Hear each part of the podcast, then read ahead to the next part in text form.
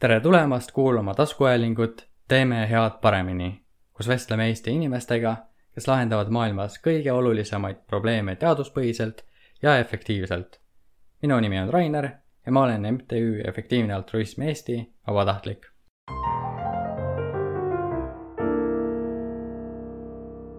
täna on mul väga hea meel vestelda Mikaeli ja Mirjamiga Praxisest sihtasutus Poliitikauuringute Keskus Praxis on kodanikualgatuslik, sõltumatu ja avalikes huvides tegutsev mõttekoda, mis loodi kahe tuhandel aastal. nüüdseks on nad arenenud Kesk- ja Ida-Euroopa üheks suurimaks sotsiaalmajanduslike teemade mõttekojaks. rakenduslikud uuringud moodustavad suurima osa Praxise tööst. Mikael Reichelgaus õppis Tartu Ülikoolis matemaatikat ja statistikat, kuid arvud pole tema ainuke tugev külg kahe tuhande kaheksateistkümnendal aastal pälvis ta Sirbi aastapreemia ning kahe tuhande kahekümne esimesel aastal Ants Orase nimelise kirjanduskriitika auhinna. Praxises kasutab ta oma kvantitatiivseid oskusi, et analüüsida uuringute andmeid. Mirjam Lehari on õppinud antropoloogiat Sussexi ülikoolis ja Tallinna Ülikoolis. ta on töötanud Eestis sisserändajate lõimumise toetamisega ning panustanud vabatahtlikuna erinevates organisatsioonides muuhulgas rahvusvahelises loomakaitseorganisatsioonis The Humane League. Praxises tegutseb Mirjam töö- ja sotsiaalelu analüütikuna. tere, Mikael ja tere, Mirjam. tere, Rainer, tänud kutsumast. tere. alustame natuke sellise konteksti andmisega, et räägime lähemalt eh, mõttekodadest. et kõigepealt uurin teie käest, et mida täpsemalt kujutavad endast mõttekojad ja mis on nende roll ühiskonnas no mõttekojad on äh, sellised asutused, mis äh,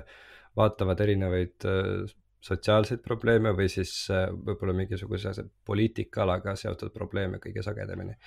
ja siis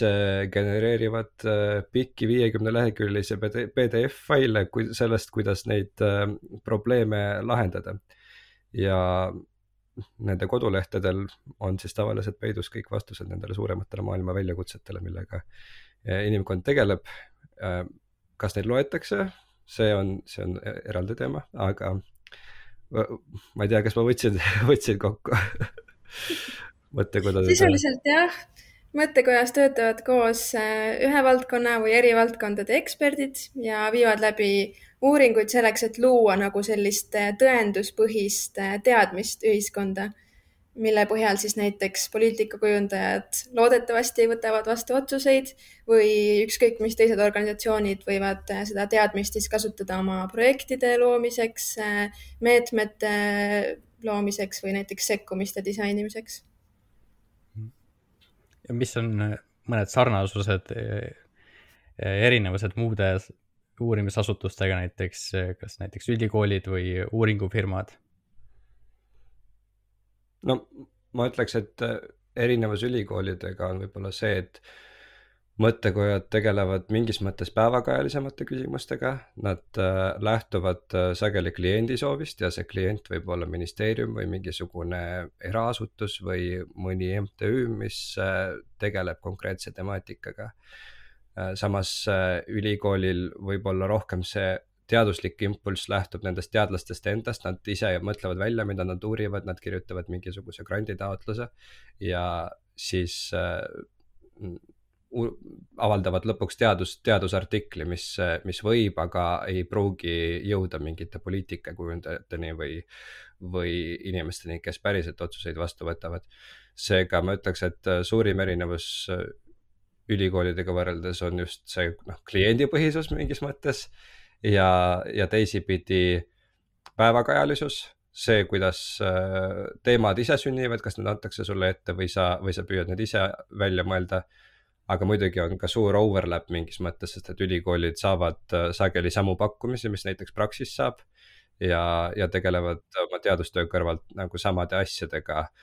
kuid lihtsalt see ei ole nende fookus, nende fookus on äkki teadustööl ja, ja, ja haridustööl, aga ma ei tea, Mirjam, kas sa tahaksid täiendada mm? -hmm. ma võib-olla täiendan siis nende uuringufirmadega erinevuste osas, et uuringufirmad võivad olla, eks ju, tegutseda erasektoris ja kliendid võivad ka olla siis erasektoris, ehk siis need huvid äh, on siis äh, sõltuvalt kliendist mingi konkreetse firma või organisatsiooni huvides tehakse neid uuringuid, aga mõttekoda on pühendunud siis avalike huvide teenimisele ehk siis keskendunud just nendele teemadele ja probleemidele, mis keskenduvad avalikele huvidele, mitte erahuvidele ja sealt võib-olla tuleb ka natuke see fookus, et millele keskendutakse ja, ja need uurimise teemad. kas ma saan õigesti aru, et äh, siis noh, te lähtute eelkõige Praxise kogemusest, et siis kliendi, et siis rahastus tuleb just kliendi ehk tellija poolt, kes seda uuringut või jah, seda äh, rahastab või tellib? Jah, enamasti, enamasti ongi niimoodi, et kui on mingisugune avalik pakkumus, kasvõi ministeerium ütleb, meil on vaja uurida teemat X, ma ei tea, näiteks seda, kuidas äh, laste mänguväljakud mõjutavad äh, linna elanike heaolu või midagi sellist, siis äh, kõik uuringuasutused Eestis, kes vähegi saaksid sellise teemaga tegeleda, saavad selle kirja kätte ja otsustavad, kas nad kirjutavad mingisuguse pakkumuse selle osas, küsivad äh, raha või tahavad osaleda selles projektis ja kui, kui vastus on jah ning nad valitakse välja, siis tavaliselt see riigiasutus siis, mis äh, selle uuringu tellis, maksab sellega kinni ja mm. -hmm. aga samas Praxises me ei ole ka ainult kinni nendes riigihangetes ja ministeeriumidele uuringute tegemises, et tegelikult võib ju olla ka tellijaks näiteks mõni teine organisatsioon või äh, mõni teine vabaühendus. aga just, et see, et see sisu oleks siiski, teeniks nagu avalikku huve. aga rahastuse või selles mõttes, kes tellib, võib olla ka peale ministeeriumitega mõni teine asutus mm.. et siis selliste avalike pakkumiste puhul äh, mõttekojad võivad, võivad isegi kandideerida või õigemini olla konkurendiks eh, siis ülikoolidele või teistele uuringufirmadele, kes samuti panevad pakkumisi nendele äh, konkurssidele. just. jah, võivad konkureerida ja vahel teevad ka koostööd, et mõned nendes projektides ülikooli teadlased või siis teiste mõttekodade teadlased äh, teevad koostööd Praxise analüütikutega ja, ja midagi, midagi sünnib sellest. Eesti on nii väike, et see konkurents ja koostöö on nagu, jah, käivad käsikäes. Oskate öelda, kas mujal maailmas,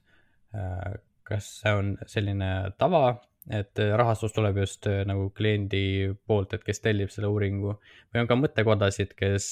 lihtsalt uurivadki no sarnaselt siis ülikoolile teavad, teevad mingis valdkonnas nagu teadustööd ja siis ütleme näiteks äh, filantroopidelt saavad mingit rahastust tähtsate küsimuste uurimiseks või pigem on tavaks ikkagi see kliendi selline äh, teekond? Sinu, sinu vastus juba või sinu küsimus juba mingis mõttes sisaldas äh, vastust ka, et, et kui me vaatame kasvõi neid samu efektiivse altruismi mõttekodasid, siis ega sealt ei ole võimalik saada äh, mingisugust noh, riiklikku tellimust, äh, ma arvan, enamikul juhtudel, sest et äh, see kasu, mida need uurimisprojektid toovad, kasvõi noh, long termismi alaselt või noh, ma ei tea, tehisintellekti ohtude uurimine, see kasu on võib-olla viiskümmend, tuleb viiekümne aasta pärast või seal saja aasta pärast, eks ole. ja ilmselgelt selliseid asju peavad rahastama inimesed, kes lihtsalt on antud teemadest huvitatud, meil, meil siinsamas Eestis on ju üks suur filantroop, Jaan Tallinn, kes sellesse temaatikasse on meeletult äh, raha panustanud ja kes, kes rahastab igasuguseid mõttekeskusi. ma saan aru, et on vist, kas see oli Oxfordi ülikooli juures äh, mul läks nüüd nime, see nime, selle, selle asutuse nimetus äh, meelest ära, võib-olla, võib-olla sina, sina, Rainer, tead, kas see oli mingi Center for Human Survival või midagi sellist, aga, aga, aga. või ei, Center for Existential Risk äkki. aa, võib-olla küll, ma täpselt neid nimesid ei mäleta. okei okay,, no suva, igatahes äh, kindlasti, kindlasti kuulajad teavad paremini. aga Eesti oludes loomulikult seda, seda kapitali on pigem vähe ja ma ei ole, ma ei ole teadlik, et meil mingisugused asutused tegeleksid sada protsenti filantroopide rahaga, ma ei tea, Mirjam, võib-olla, võib-olla sa tead mingitest sellistest uuringufirmadest. Mm? -mm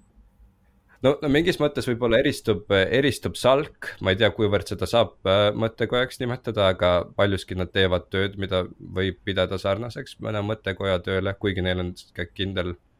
ütleme, poliitiline suunitlus, mis jällegi ei ole vastuolus selle mõttekoja mõistega, kui me vaatame Ameerikas, seal on väga palju poliitiliselt meelestatud mõttekodasid. aga noh, Salk näiteks ei, ei saa mingisuguseid tellimusi kuskilt väljaspoolt, nagu ma aru saan, et ta elab puhtalt annetustest, et seal on suursponsorid ja mõned väiksemad sponsorid ja siis selle arvelt nad saavad edendada asja, mis äh, noh, neile huvi pakub või mille pärast neil süda valutab, et, et võib-olla Eestis on, on see üks näide tuua mm. -hmm ja ma vaatasin just järgi, et äh, Jaan Tallinn on asutanud äh, selle The Center for the Study of Existential Risk. just jah mm. -hmm. et jah, taoliste äh, mõttekodade tõttu ma selle küsimuse esitasingi, et ma ise ei ole põhjalikult uurinud, et aga ma olen näinud, et on mõttekojad, mis keskenduvadki kaugtuleviku teemadele, seal tehisintellekti ohutusele näiteks, aga siis ma, ma pole äh, põhjalikumalt vaadanud, et kes siis neid rahastab, et ma hakkasin ka mõtlema, et tõenäoliselt on see siis teistmoodi siis mingi filantroopsel viisil saadud rahastus. nii, aga räägime siis lähemalt äh, Praxise tööst. uuringi, et kõigepealt, et mis on peamised tegevusvaldkonnad, millesse Praxis panustab ja teie hinnangul, et millised nendest on võib-olla kõige sellised ühiskondlikumalt olulisemad teemad tegevusvaldkonnad, no meil on eksperte, selliseid pikaajalisi kogenud eksperte on meil äh, peamiselt äh, näiteks töö ja sotsiaalelu valdkonnas, äh, tervise, haridus, siis riigivalitsemine, kodanikuühiskond, siis ähm, sooline võrdõiguslikkus ja võrdsed võimalused ja siis veel majandus ja säästev areng ja need teemad et need on nagu need, kus meil on äh, igas äh, valdkonnas keegi on nagu selline ekspert. aga noh, kuna kõik teemad on ikka omavahel, eks ju, seotud, siis sageli nagu ühe töö juures on ikkagi koos erinevate teemade eksperdid. et äh, me niimoodi konkreetselt valdkondadeks nagu ei jaotu jah, Mirjam vastas sellele küsimusele ära, et, et see, see siia vist pole liiga palju midagi lisada mm. -hmm. ma ei tea, vist ühte valdkonda niimoodi olulisuse poolest ei hakkaks välja tooma, et pigem just see kuidagi mingid need kesksed suunad või kesksed põhimõtted, mis on, et et, et see tõenduspõhisus, võib-olla ka minu jaoks kuidagi see inimese kesksus just poliitika kujundamises, eks ju, ja siis ähm, võib-olla ka see mm, osapoolte nagu kaasamine sinna protsessidesse, uuringuprotsessidesse võib-olla, võib-olla üks asi, mida saab täiendada, et Praxise puhul, kui me räägime nendest valdkondadest, nagu Mirjam ütles, siis nad ei ole kuidagi rangelt fikseeritud ja sageli see osalus projektides toimubki niimoodi, et sulle saadetakse Staffikasse mingisugune kiri ja öeldakse, et vaadake selline, selline projekt, et, et kas keegi tahaks osaleda, kas keegi tahaks pakkumist kirjutada, kas keegi tahaks nagu kaasa lüüa. et analüütikutel on mingis mõttes väga palju vabadust, nad saavad äh, päris palju nagu valida mingeid teemasid, mis neile endale südamelähedased on. aga ja, ja, ja seepärast sa ei peagi kunagi ütlema, et nii, et mina tegelen nüüd ainult äh, majandusteemadega ja näiteks äh, ma ei tea, soolise võrdõiguslikkuse teemaga ma ei tegele mitte kunagi, et sa võid, sa võid teha näiteks üheksakümmend protsenti ühte asja ja kümme protsenti teist ja, ja see jaotus võib olla ka fifty-fifty või kolmkümmend, kolmkümmend, kolmkümmend, et äh, sa ei pea noh, liiga palju äh, ühes, ühele kitsale teemale fikseeruma ja tegelikult sul ei olegi seda võimalust, ma arvan, selles mm. -hmm selles asutuses vähemalt. just, ja see on ka selle uuringu läbiviimise või analüüsi koha pealt ka oluline, et oleks nagu, mm, et see ei jääks kuidagi kinni ühte, ühte fookusesse liiga palju, vaid et oleks nagu seotud ka erinevate valdkondade ja erinevate teadmistega. et see uuring kuidagi konteksti paigutada mm. -hmm. väga hea. kes kasutab Praxise uurimistööd, ehk siis kes on see peamine klient, kes tuleb ja Äh, soovib mingit uurimust Praxiselt saada. või see võib olla ka tõenäoliselt avaliku niimoodi riigi poolt mingi pakku-, see konkursi kaudu, et alati ei tule te teie juurde, vaid te esitate ka pakkumise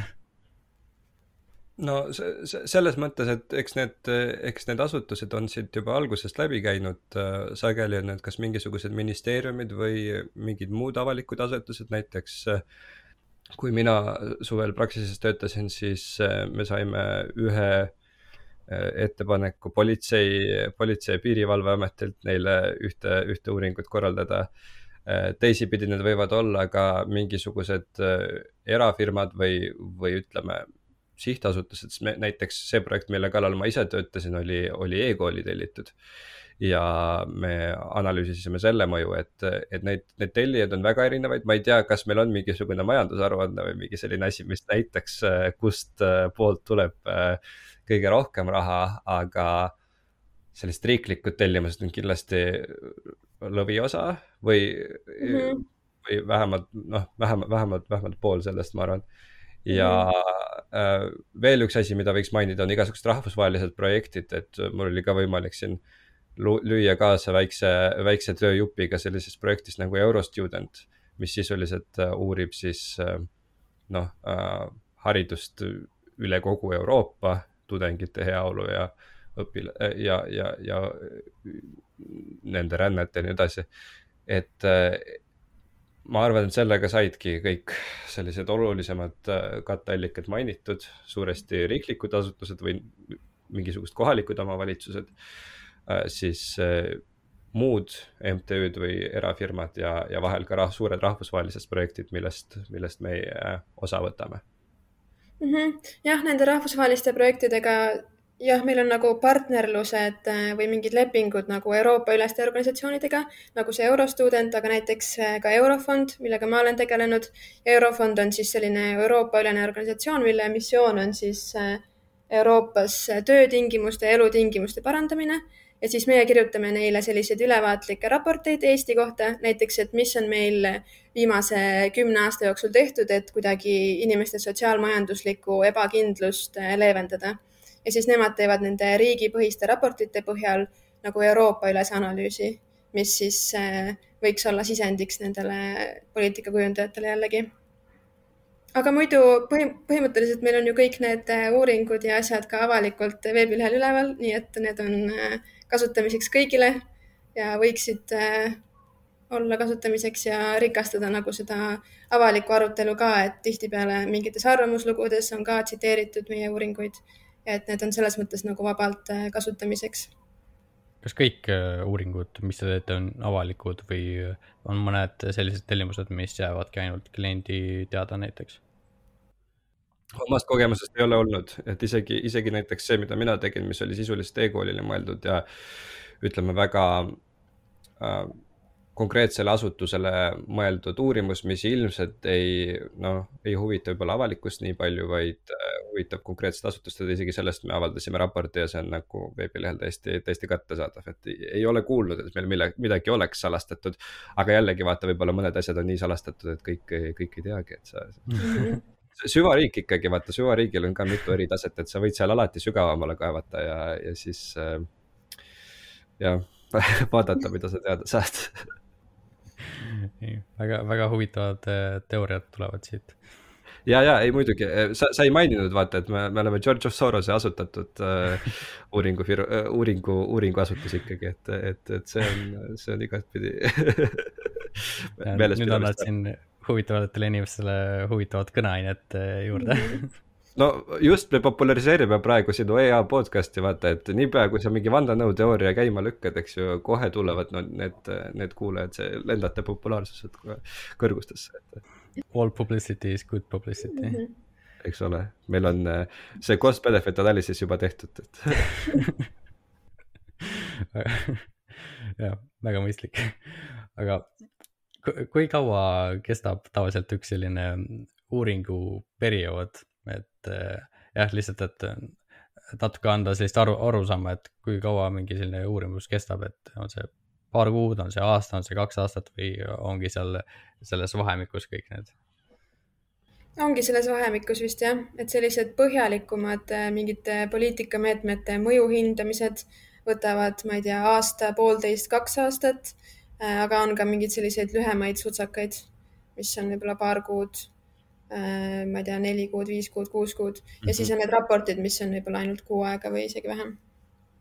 ja, ja siis mingite projektidega nagu sellesama Eurostudentiga, et, et seal tehakse ju neid iga mitme aasta tagant uuesti, näiteks nelja aasta tagant mm ja siis võib-olla ongi niimoodi, et ta käib nagu tsüklitena, et nelja aasta pärast tullakse tagasi ja siis töötatakse jälle kolm kuud selle kallal ja, ja siis pärast uuesti.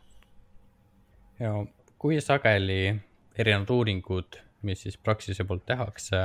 leiavad rakendust. et ma saan aru, et kui on näiteks regulaarne teema nagu see Eurostudenti või euro, kuidas see oli, foorum, äh, see, mis ütleb, pannakse kokku siis mingisugune raport, mis on siis Euroopa-ülene et seal on üsna nagu selge, et tegid selle analüüsi Eestis ja siis see on seal lõppraportis ja ütleme, leiab kasutust. aga jah, kas oskate öelda, kui palju on selliseid, kus on nagu raskem seda mõju hinnata, et kas see oli nüüd kasulik uuring, kas see andis kliendile sellist kasulikku, kasulikke teadmisi või see lihtsalt läheb kuskile, ütleme, sahtli põhja tolmu koguma?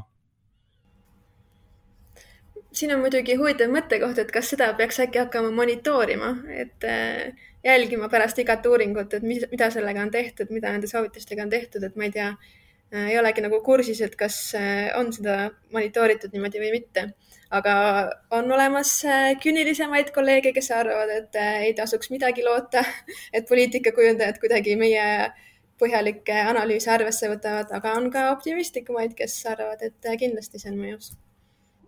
see on nüüd jällegi selline mitte, mitte liiga teaduslikult äh, põhjendatud mõte, aga kuidagi kolleegidega vesteldes niimoodi kööginurgas on, on jäänud mulje, et see mõjuanalüüs sotsiaalteadustes on kõige raskem asi üldse. ja sageli on lihtsam läbi viia see uuring ise, kui äh, korralikult selle mõju hinnata, sest et need äh, meetodid ei, ei, ei ole nagu liiga, liiga hästi paigas ja, ja samas teiselt poolt sageli selle korrektse mõju hindamise maksumus on võib-olla kõrgem kui sinu projekt, kogu projekti maksumus mm. -hmm. et ähm, ma jah, jälle,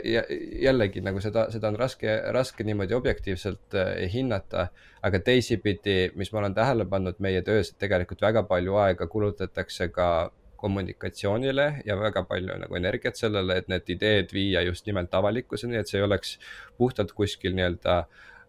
salastatud äh, failides äh, mingites ministeeriumite kabinettides läbi arutatud niimoodi, et seda saab sahtlisse panna. vaid äh, mingis mõttes üritatakse ikkagi tekitada seda avalikku arutelu nende küsimuste ümber ja ka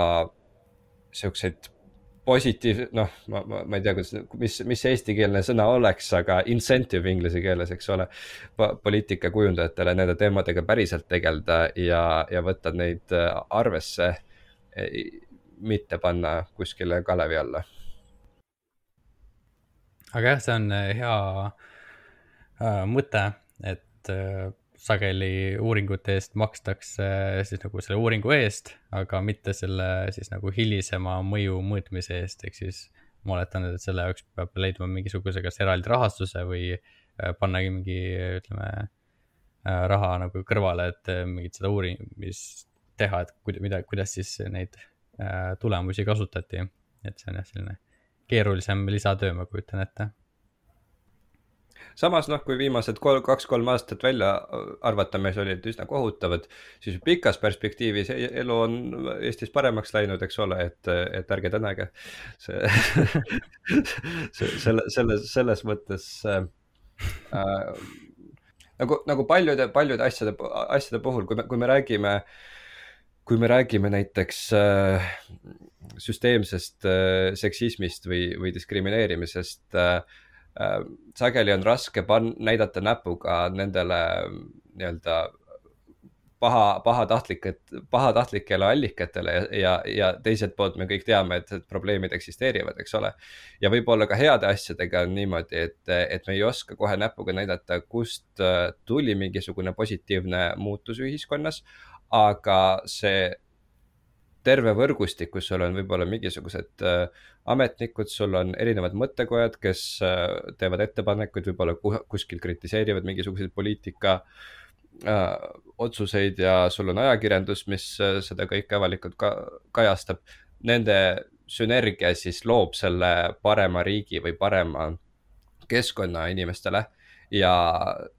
sa võib-olla ei saagi öelda, et no vaat, näed, siin kirjutati mingisugune artikkel, ma ei tea, korruptsioonist ja, ja see vähendas nüüd korruptsiooni riigis äh, viie protsendi võrra. aga teiselt poolt sa näed, et üldiselt korruptsioon langeb ja, ja, ja kõik, kõik need äh, koosmõjutegurid, nad, nad, nad mõjutavad seda ilma selleta, et sa võib-olla suudaksid kuskil näpuga näidata konkreetselt et mulle tundub, et, et, et see mõju hindamine võib-olla saabki osaliselt toimuda niimoodi suurel skaalal, vaadates, kuhu üldiselt me oleme riigina liikunud, kuidas on meie asutused arenenud ja, ja igaüks, kes selles osalenud on, saab, saab mingisuguse protsendi krediitit võtta ka. ma ei tea äh,, kui, kui mõistlikuna see tundub, aga, aga võib-olla vaadates suuremat pilti, me muutume optimistlikumaks. Siin saateks valmistudes ma lugesin Eighty Thousand Hours'i artiklit mõttekodade töö kohta. see on küll üsna vana artikkel, kaks tuhat viisteist, aga ma arvan, et paljud äh, punktid sealt on sellegipoolest äh, relevantsed ka tänapäeval Äh, üks selline negatiivne pool mõttekojas töötamise puhul, mis nad välja tõid, oligi see, et, et seal on, ütleme, suurem risk, et sinu otsene töö ei oma märkimisväärset mõju. Ehk siis äh, küsimus ongi just selles äh, teadmatuses, et nagu sa mainisid, seal on nii palju erinevaid aspekte, mis mängivad rolli seal ühiskondlike muutuste seal tegemisel, võimendamisel, et siis on äh, raske panna mingit numbrit äh, või sellist tõenäosust taha, et, et just see töö, mis sa nüüd tegid selle uuringu kallal, et see kutsus selle äh, siis muutuse esile. jah, aga no samas ma arvan, see on peaaegu, peaaegu iga valdkonna probleem, meil on võib-olla ainult mingisugused väga, väga kitsad alad või ütleme, sellised väga uuenduslikud alad nagu ai safety, kus sa saad öelda, et tõepoolest minu tööl on märkimisväärne mõju sellele küsimusele, kuna selle küsimusega ei tegele mitte keegi teine peale minu, järelikult. Ma saan teada, et, et kõik muutused, mis on seal toimunud, on äh, tänu, tänu meie tehtud tööle, aga, aga jällegi, kui sa töötad näiteks mingisuguses eraettevõttes ja ma ei tea, sa toodad, sa ütleme, ütleme, sa, sa, sa teed mingisugust äh, telefonimängu või, või sa töötad mõnes suures äh, sotsiaalmeedia äh, platvormi arendamises äh,.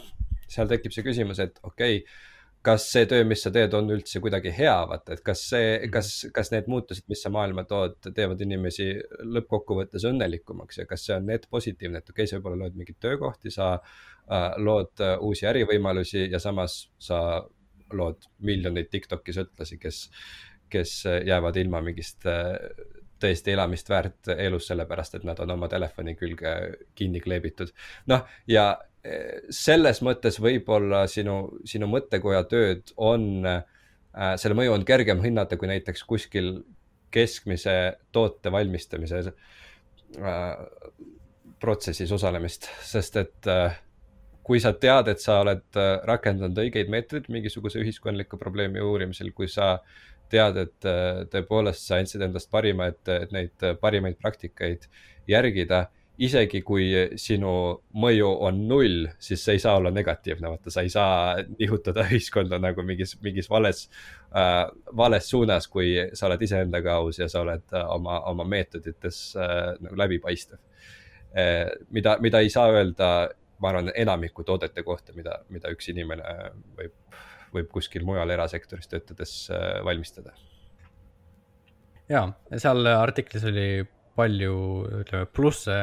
ka, mida ma nüüd natukese aja pärast toon rohkem sisse, et äh, kokkuvõttes nad äh, soovitavad tööd mõttekojas, kui on nagu sobivad oskused ja huvid. et aga see oli selline üks risk, millega tasub arvestada, et kui kindla peale inimene tahab oma karjäärivalikutes minna, kui ta mõtleb mõju peale, et kui palju ta on nõus siis nagu riskima, et sellist otsest mõju on vähem. aga ma arvan, et see oli väga hea näide, et kui on selline hea lähenemine, et siis on keeruline nagu otseselt negatiivset mõju toota. samas kui paljud, ütleme, ressursse, maaressursse kasutavad töökohad nendel keskkondlikult on nagu palju negatiivseid aspekte ja siis tuleb see küsimus, et kui palju muud väärtust loovad, et kas need kaaluvad need keskkondlikud äh, väärtused siis või nii-öelda miinused üle. aga enne kui me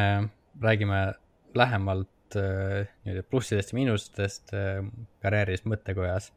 siis tahaks natuke lähemalt kuulda, et mis projektidega olete ise töötanud, mis projektide kallal olete ise töötanud Praxise ajal. Te olete juba üht-teist maininud, et äh, Mikael mainis seda e-kooli ja siis siin see Eurostudent ja Mirjam samuti. et äh, ma sooviks jah natuke lähemalt kuulda, et äh, millega need projektid tegelesid, mis olid mõned tulemused ja mida te täpsemalt tegite seal mm? -hmm no tulemuste kohta on võib-olla natuke veel keeruline öelda, et ma olen ka alles alla aasta töötanud Praxises, et, et selle ajaga ei olegi neid tulemusi nii palju välja veel tulnudki aga ma olen näiteks tegelenud, nagu me ütlesime ka, et see, et need valdkonnad ei ole nii selgelt eraldatud, et ma olen ka tegelenud näiteks hariduse teemadega natuke. Et hetkel mul on käsil siis äh, selline uuring, kus me uurime seda, mis viimasel ajal on, äh, on muster ja eesmärk, et liita täiskasvanute gümnaasiumid kutseharidusasutustega ja me oleme siis äh, seni liidetud koolide näitel proovinud uurida, et kuidas see mõjutab seda õppijate ja õpetajate elu ja seda õppimist seal haridusasutuses.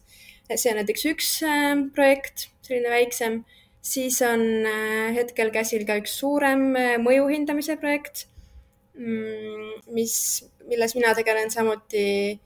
Äh, õppe ja tööturu seostamisega, ehk siis, et kuidas äh, teha nii, et see kutse, õpe kutse ja kõrghariduses oleks paremas vastavuses nagu tööturu vajadustega. ja see on selline traditsioonilisem või noh, nii-öelda täpsem mõju hindamine, et võib-olla efektiivsetele altruistidele on tuttav ka see sekkumisloogika analüüs ja muutuste teooria ja ja, ja selline mõju hindamine, no kuigi mitte võib-olla päris kulutõhususe analüüs, aga, aga no peaaegu. Räägi natuke lähemalt sellest sekkumisloogika analüüsist. Mm,. see on siis inglise keeles on see theory of change ehk siis äh, selline mudel, mille põhjal muutus ühiskonnas peaks toimima. Ja selle mudeli, selles mudelis on siis erinevad osad ehk siis näiteks äh, probleem, mis on need konkreetsed probleemid, mida peaks äh, lahendama. Mm,, siis sisendid, mis lähevad selle lahendamise jaoks sinna sisse, näiteks raha või uuringud või mingid sellised asjad ja siis tegevused siis vahetulemused ja siis lõplik äh, mõju. no see on selline üldine mudel, seda saab äh, äh, muuta vastavalt sellele sekkumisele või meetmele või, või mis iganes sa parajasti, millega sa parajasti töötad, aga see on selline üldine mudel. ja siis selle mudeli järgi hakkad vaatama, et näiteks tulemuste juures jälgid neid tulemusindikaatoreid tegevuste juures järgi, jälgida, et kui edukalt neid tegevusi läbi viidi, mis takistused seal tekkisid, mis läks edukamalt, mis vähem edukamalt ja siis selle põhjal lõpuks jõuad selle mõjuni ja mõjuhinnanguni nagu. Äh, jah, ma kunagi ka siis, kui ma esimest korda efektiivse altruismiga kokku puutusin, siis meil oli ka selline mõju hindamise äh, projekt või selline väike programmike, kus me siis õppisime seda muutuste teooria Mm, mudelit ja siis äh, nüüd see on mul kasuks tulnud ka Praxises tööl. väga tore kuulda mm. -hmm. soovid veel midagi, Mirjam, välja tuua oma nende projektide puhul? Mm, üks suurem äh, selline uuring, mis nüüd läbi sai, mis oli selline mahukam ja mille tulemused on ka varsti avalikud, oli toimetulekutoetuste mõju-uuring, et me uurisime, et kuidas see toimetulekutoetuse saamine siis mõjutab inimeste Äh, no toimetulekutoetus on see, et mida inimesed saavad äh, kohalikult omavalitsuselt, kui nende sissetulekud on alla mingi teatud piiri. ja et kuidas siis mõjutab nende tööturu aktiivsust ja üldse sellist sotsiaalmajanduslikku toimetulekut. et see oli üks selline suurem uuring ja selle tulemused on ka varsti, varsti avalikult nähtaval. kas sa, kas sa võid juba mingisuguse reklaami teha, et mis need tulemused on? ah, jaa, kui see on huvitav, siis ikka. no ma, mul oli üsna väike roll seal, aga minu jaoks äh, äh, jäi kõlama nagu see, et, et need toimetulekutoetuse saajad on, võivad olla hästi erinevad, et kui praegu see süsteem on üsna ühtne, eks ju, et mis valem see on, mis teenuseid neile pakutakse, kui palju noh, nad seda toetust saavad, kõigil on nagu samamoodi, siis sealt uuringust nagu tuligi välja see, et, et näiteks osa inimene, inimesi, kes on pikka aega olnud raskustes äh,, nemad vajaksid võib-olla palju mitmekülgsemat ja rohkem tuge, näiteks mingeid teenuseid nagu sõltuvusravi, psühholoogiline abi või mingid teised äh, tõenduspõhised programmid, eks ju. aga samas, kui teistel inimestel just äh, piisab sellest väikesest äh, ühekordsest rahalisest toetusest ja võib-olla peaks just inimesi julgustama neid seda toetust küsima, et võib-olla mõned, kes on raskustes, isegi ei, ei taha küsida nagu seda toetust. et see on niisugune hästi nagu üldine, aga jah, et see oli nagu minu jaoks üks nendest äh, mis tuli seal hästi nagu teravalt välja. ma tegin seal nende kohalike omavalitsuste sotsiaaltöötajatega intervjuusid, siis sealt jäi see kõlama. väga huvitav. väga, väga, väga hea, väga hea point, et kas, kas oli veel mingisuguseid projekte, millega sa jõudsid Praxises töötades kaasa lüüa? ah,. no neid Eurofondi raporteid on olnud päris palju ja neid teiste võrgustike raporteid näiteks on need ähm, Euroopa, mis on, sotsiaalpoliitika võrgustik, kus erinevate riikide eksperdid teevad neid raporteid, et seal olid näiteks ka karjäärinõustamise teema, siis üks väga selline väga kuidagi spetsiifiline teema oli postisektori töötajate äh, lepingud. Et see oli selline eriti detailne tabel, et kellel on see kollektiivleping ja mis äh, sihtrühmal on mis leping ja selline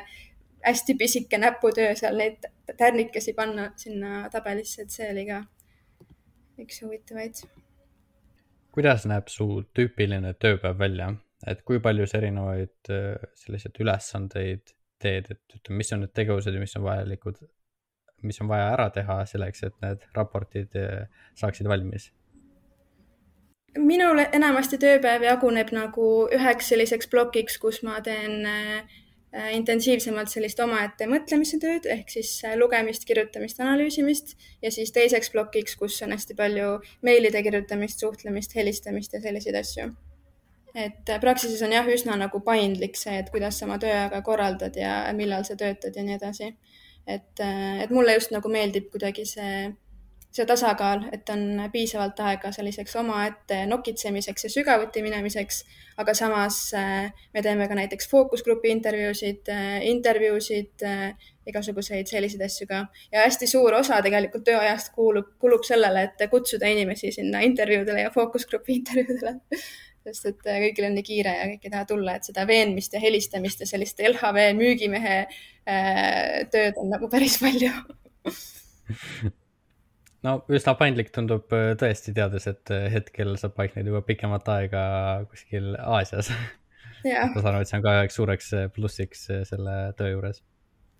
ja minu jaoks kindlasti väga-väga suureks plussiks, et keegi niimoodi tööaega täpselt ei vaata, et mis kell sa sisse logid ja mis kell meile saadad. Nii, aga Mikael, millised on olnud siis peamised eh, projektid sinul? Ja ma olen aru saanud, et sul on siis pigem sellised eh, kvantitatiivsed ehk siis eh, sellised matemaatilise analüüsi poole peal sellega seotud projektid. Jah, suuresti küll, siin peab tegema ühe möönduse, et mitte projektid, vaid sisuliselt üks projekt. sest et minu töö Praxises kestis kõik, kõigest kolm kuud ja siis ma läksin asendusteenistusse, et pärast ülikooli läksin, läksin kohe tööle ja, ja suve, suve lõppedes ma pidin juba, juba edasi liikuma, et ma väga ootan seda aega, millal ma saan nüüd Praxisesse tagasi tulla ja jälle arvuti taga mingisuguseid äh, statistilisi mudeleid äh, nokitseda, aga sisuliselt see üks suur projekt, millega ma tegelesin, oli Häirekell ja Häirekell on selline sekkumisprogramm, mida pakub e-kool. sisuliselt äh, ta kogub äh, andmeid õpilaste äh, Ähm, käitumise ja nende saavutuste kohta, ta vaatab, ähm, millised on nende hinded, kui palju negatiivseid märkuseid nad saavad, kui tihti nad hilinevad, kui tihti nad puuduvad. ja kui nüüd see kombineeritud skoor nendest äh, riskifaktoritest on piisavalt kõrge, siis ta annab õpetajale nagu sellise müksu, mille tulemusel siis õpetaja peaks midagi, kuidagi sekkuma ja sellele lapsele rohkem tähelepanu osutama. nüüd äh, meie siis äh, uurisime seda, kuidas, äh, kuidas häirekell äh, on päriselt neid koole mõjutanud, kes on seda programmi nüüd pilootkorras rakendanud ja see uuring oli selles mõttes mitmekülgne, et meil oli intervjuud õpetajatega ja, ja nende, nende motivatsiooni uurimine, kui palju nad üldse tahavad seda programmi kasutada, mis motiveerib neid seda programmi kasutama. Aga teiselt poolt oli ka selline kvantitatiivne mõjuanalüüs, millega sisuliselt mina tegelesingi, et äh, meil olid, ta, ta, ta oli just, ta oli just matemaatilises mõttes tegelikult väga huvitav, sest et seal sai rakendada mingisuguseid statistilisi mudeleid, äh, mida, millest esimesi artikleid äh, kirjutati alles siin aastatel kaks tuhat üheksateist või kaks tuhat kakskümmend, et, et selline noh, tõesti väga-väga ähm, uudne ma, matemaatiline töö ja, ja kui ma Praxisesse läksin, siis ma mõtlesin, mu esimene mõte oli see, et ah, no mis seal ikka, ma olen statistikat õppinud ja siin on mingid noh, siin on, siin on, siin on sotsiaalteadlased, kes on kõik väga-väga targad inimesed, nad, noh, minu kolleegid on hullult lahedad ja ja, ja minust palju targemad, aga ma mõtlesin just, et, et noh, statistilises mõttes see ei saa raske olla, eks ole, kindlasti need kvalitatiivsed osad, millega nemad tegelevad või, või see ütleme poliitiline teooria, sotsioloogia, sellest ma ei tea midagi, aga statistika osa kindlasti peaks olema kerge, sest et noh, mis see, see, see ei ole ju mingisugune ütleme geneetika või, või või, või big data äh, firma, aga äh, tuli välja, et ei, tuli välja, et esimene uuring, millega ma pean tegelema juba, juba sisaldab neid äh, väga-väga põnevaid matemaatilisi mudeleid, äh, mille kohta pidingi hakkama lugema teadusartikleid, mingeid uusi raamatuid, et, et nendest nagu meetoditest jagu saada ja, ja see kujunes väga väljakutsuvaks tööks. Ehm, jah, see oli siis see häirekella uuring ja, ja sisuliselt äh, no minu kvantitatiivne osa näitas, et, et ähm, suuresti sellel programmil ei ole praeguse seisuga mingit tuvastatavat äh, mõju. Ja, ja, ja see on üks nende statistika, statistikute töö suuremaid probleeme, et sa oled natuke nagu koolikiusaja, et sa, sa tuled, hakkad asja, asja vaatama ja siis äh, sa ütled neile, et ei, miski ei toimi tegelikult, et, et, et, et teie ootused, et teie ootused olid asjata, aga samas äh, üks huvitav muster, mis välja joonistus, et Eh, millel võib-olla on sisu taga eh, ehkki need arvud, eh, see grupp oli võib-olla liiga väike, et, et päriselt midagi lõplikku sealt järeldada, aga siiski mõned õpilased, kes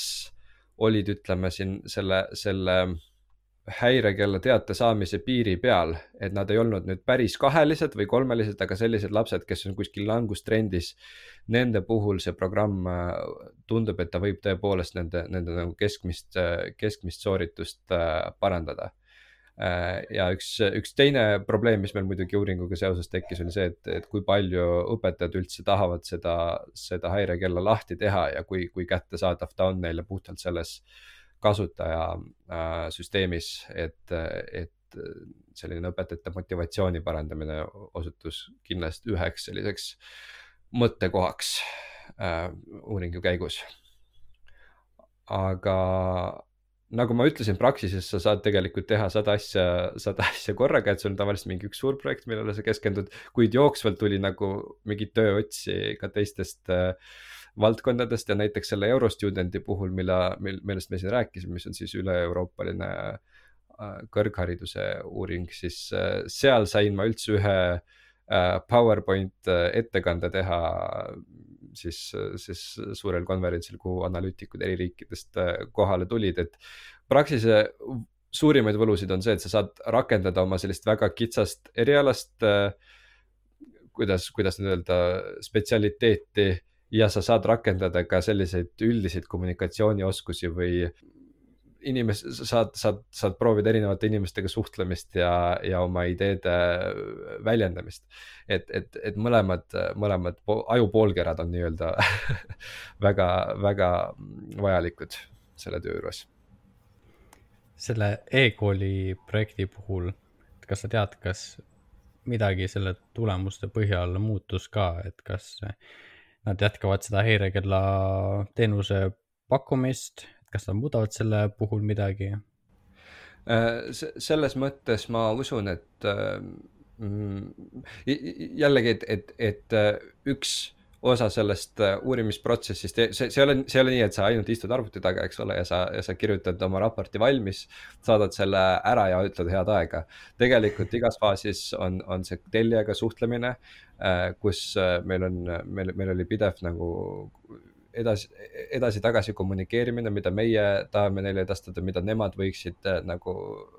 ellu viia. ja, ja ma usun, et, et mingid asjad nagu, nagu näiteks see kasutatavuse parandamine kahtlemata nende endi huvides, eks ole, sest et äh,, sest et äh, sa ei saa tegelikult äh, päriselt noh, teada, kas sinu programm on mõjukas või mitte kui õpetajad ei ole seda rakendanud ja ma, ma usun, et see on kindlasti esimene asi, mida, mida parandama minnakse um,. võib-olla minu kui sellise kvantitatiivse analüütiku töö ei ole nüüd äh,, ei sisalda nüüd liiga palju seda ähm,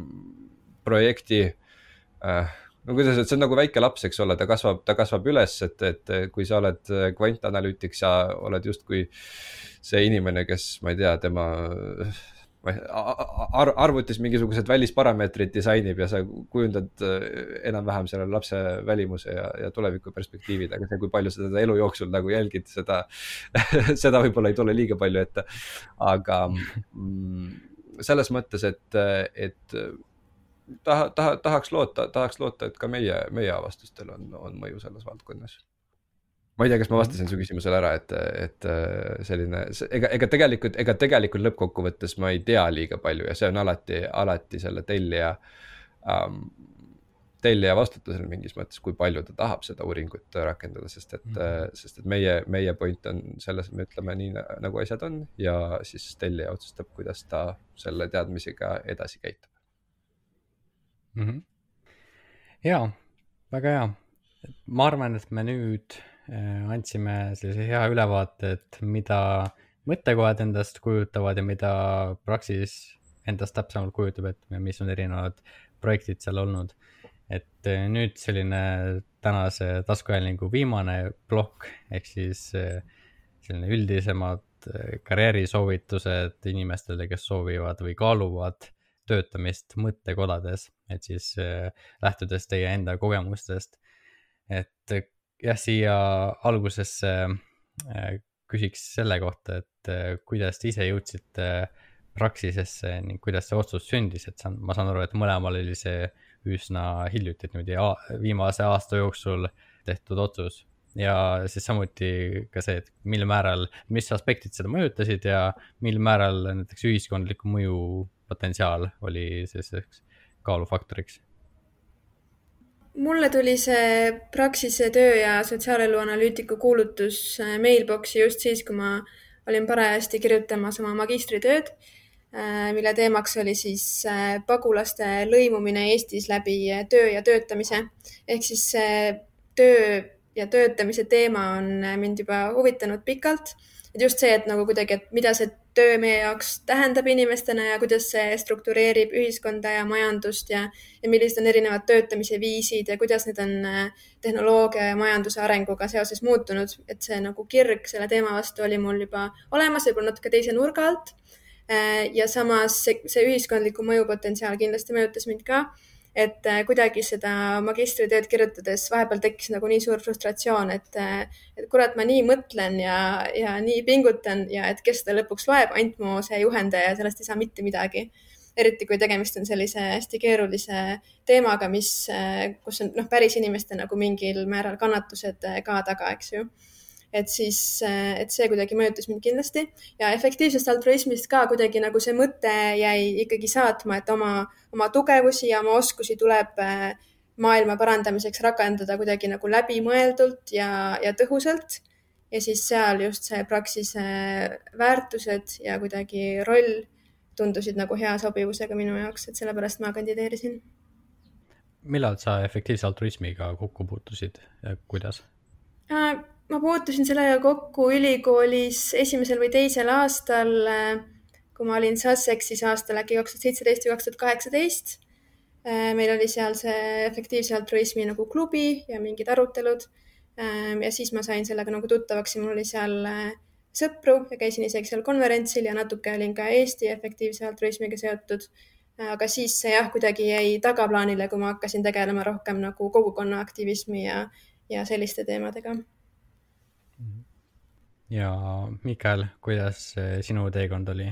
Praxisesse? Äh, jaa, tegelikult äh, ma mäletan ennast veel bakaõpingute äh, esimesel või teisel kursusel, kus me võisime sõpradega vaielda mingite suurte nii-öelda maailma küsimuste üle ja, ja siis ähm, pärast, kui ma tulin koju tagasi, ma hakkasin mõtlema, et huvitav, aga kuidas Eestis on nende teemadega, mis puudutavad seal võib-olla tööturgu või mingisugust sotsiaalpoliitikat ja hakkasin guugeldama ja, ja äh, sageli see, kuhu ma välja jõudsin, oli Praxise koduleht. Äh, kuna, kuna see on ilmselt nagu suurim asutus, mis, mis äh, selliseid äh, küsimusi süstemaatiliselt ja järjepidevalt äh, uurib ning juba siis mul hakkas tekkima selline noh, kuidas öelda, väike unistus või, või kujutelm endast tulevikus töötamas kas Praxises või mingisuguses nagu sarnases asutuses, kuna see tundus olevat just noh äh, vastavat minu sellistele individuaalsetele eelistustele, kuna ma olen õppinud matemaatikat ja statistikat, kuid samas mul on ka tugev huvi igasuguste ühiskondlike probleemide vastu ja, ja see tundus nagu koht, kus võiks tõesti ühildada ära need, need äh, mõlemad äh, noh, pooled oma huviorbiidist ja, ja rakendada üks, ühte, ühte nagu teise, teise kasuks mida võib-olla väljaspool sellist mõttekoda ei, ei saa nii palju, nii palju rakendada, kui sa lähed kuskile noh, ütleme andmeanalüütikuna tööle, ma ei tea, Playtechi või, või, või Swedbanki, siis, siis äh, kahtlemata ka toredad töökohad, aga, aga seal ei ole seda äh, ühiskondlikku mõjupotentsiaali ja kuidagi see idee elas eh, mul peas, aga samas elutempo oli kuidagi nii kiire, et kuskile praktikale väga, väga ei jõudnudki minna, sest et tuli eh, lihtsalt teenida raha, et Tartus nii-öelda ellu jääda, endale süüa osta ja, ja, ja mingid muud elamiskulud katta ja jätsingi selle teema kuidagi Äh, nagu ütlesin jah, kuklasse elama. aga me jooksvalt äh, selle ülikooli õpingute ajal suhtlesime päris tihedalt Praxise praeguse finantsjuhiga Alari Rammoga, kes tollal ei olnud üldse Praxisega seotud. ja siis, äh, kui ma hakkasin ülikooli lõpetama, tema oli juba, ma ei tea, aasta olnud seal Praxises tööl ja ta mingi hetk ütles, et, et oo oh,, et Urmo Praxise siis tegevjuht on, on tundnud huvi, kas, kas sul oleks võib-olla mingisugust potentsiaali nagu Praxisega liitumiseks. ja siis äh, mõtlesin, et ohoo, et, et äh, manifesteerisingi endale endale selle, selle äh, unistuste töö äh,. paralleelselt kandideerisin ühte, ühte teise äh, asutusse, mis, mis, mis ei ole mõttekoda, vaid on, vaid on erafirma, kuid äh, tegeleb väga sarnaste äh,, sarnaste teemadega nagu Praxis äh, ning äh, sinna sain, sinna sain ka konkursist läbi, aga, aga lõpuks ikkagi valik osutus Praxise kasuks puhtalt äh, sellepärast, et äh, äh, ma tundsin Praxise inimesi võib-olla natuke paremini ja, ja äh, tundsin, et, et sellisel sõltumatul äh, uuringuasutusel on võib-olla rohkem äh, potentsiaali siis sihukese teadu-, teadmuspõhise poliitika kujundamisega tegeleda, kui, kui erafirmast, mis peab rohkem lähtuma ka sellisest kasumimotiivist. et, et need, need kaks kaalutlust võib-olla lõpuks panid Praxise kasuks valima, et ma ei tea, jah, ma vist vastasin küsimusele ära nüüd sellest, kuidas, kuidas kuidas Praxisesse jõudmine toimus. jaa, väga hästi ja ma saan aru, et oled samuti varem efektiivsest altruismist kuulnud ja midagi selle kohta lugenud, et mis su kokkupuude on olnud? jaa, absoluutselt, ma arvan, et enam-vähem iga inimene, kes on Delta majas Tartus õppinud, on sellest vähemalt ühe kõrvaga kuulnud, sest et äh,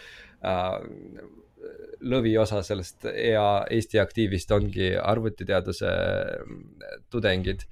ja ma olen sattunud ka nendega suhtlema, olen äh, isegi läbinud ühe sellise lugemisringi, äh, kus me lugesime siis uh, Toby Orby uh, The Precipice'i, see on raamat eksistentsiaalsetest riskidest, mis uh, maailma ohustavad ning um, ma, ma, ma ei saa öelda, et ma nüüd äh, muutusin äh, päris efektiivseks altruistiks, kuid paljud nende põhimõtted olid mulle väga sümpaatsed ja just see läbimõeldus, millega äh, lähenetakse erinevate probleemide lahendamisele, see, kuhu raha paigutada, kuidas oma karjääri kujundada, kuidas äh, tõesti noh, elada parim võimalik äh, elu selle, selle ühiskondliku või mõju mõttes E, ja, ja mingid, mingid praktilisi otsuseid võib-olla mõjutas ka, et puhtalt kuhu, kuhu oma mitte liiga suuri rahasummasid, aga, aga siiski, kuidas neid võimalikult efektiivselt annetada ja, ja kus nad võiksid äh, äh kõige suuremat kasu tuua, et, et ma ütleks, et see on see õppetund, mis ma EA-lt sain ja mille eest ma olen väga tänulik mm. -hmm. väga, väga tore kuulda. räägimegi nüüd sellest, et mi, milline inimene võiks hästi sobida mõttekojasse töötamiseks? et alustaks näiteks isikuomadustest ja oskustest, et mis äh,, millised isikuomadused ja oskused on vajalikud äh, teie hinnangul mõttekojas töötamiseks? mul tekib jah, siin kuidagi selle efektiivse altruismiga hästi tugev seos, et äh, et ma tunnen ka kuidagi see efektiivse altruismi lähenemine mõtlemisele ja argumentide ehitamisele ja, ja jah, kuidagi mõtlemisele, et see on nagu hästi-hästi sarnane sellega, milline võiks mõttekojas töötamiseks äh, vajalik olla. et võib-olla just isikuomadus või võib-olla isegi rohkem nagu suhtumine, et oskusi saab ikka nagu aja ja pingutusega alati juurde õppida ja lihvida aga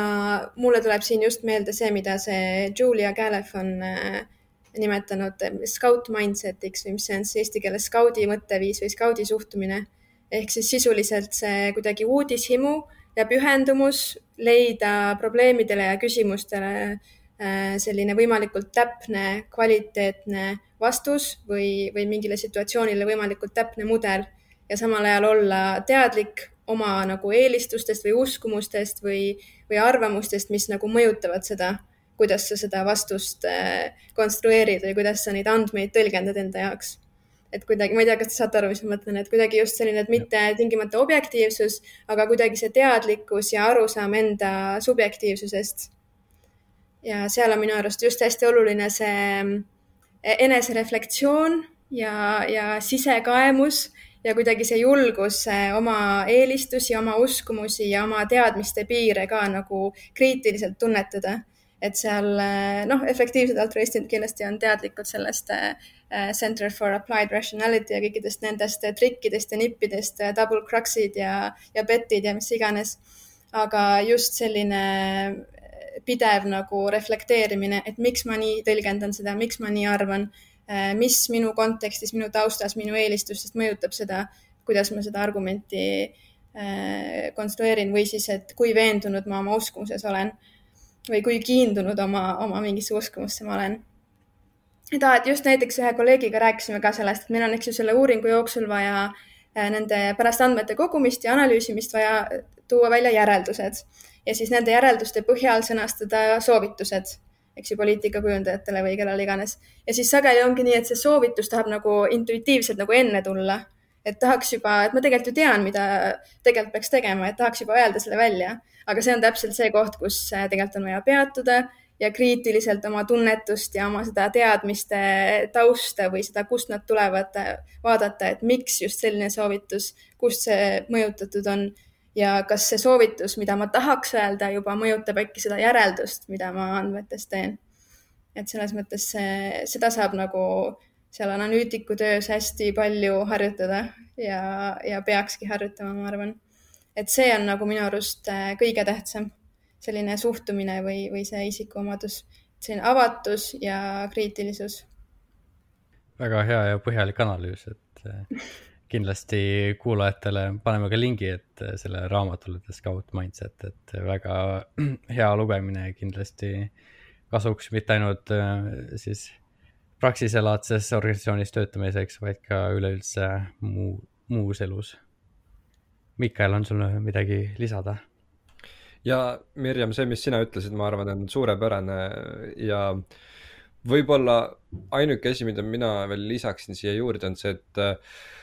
kui me mõtleme sellise stereotüüpse teadlase peale, ta on äh, kuskil oma laboris kinni, selline mitu päeva nagu pesemata, puhtalt äh, hüperfikseeritud oma sellisele kitsale uurimisalale paneb mingisugused katseklaasid äh, vedelikke kokku ja vaatab, mis, mis juhtuma hakkab ning äh, lõpuks äh, kirjutab mingisuguse artikli valmis. siis ma arvan, et Praxise töö puhul vähemalt, esiteks muidugi, muidugi see on, see on selline äh, mitte, mitte, et, et see teadlase pilt, mis ma nüüd maalisin, tingimata tõele vastaks. aga kui see ei kehti ülikooli teadlase puhul, seda, seda vähem kehtib see võib-olla Praxise analüütiku äh, Äh, kontekstis, kuna meil on ikkagi väga palju rõhku just sellel kommunikeerimisel, kus sa pead suhtlema oma tellijaga, sa pead äh, temale selgitama oma uuringute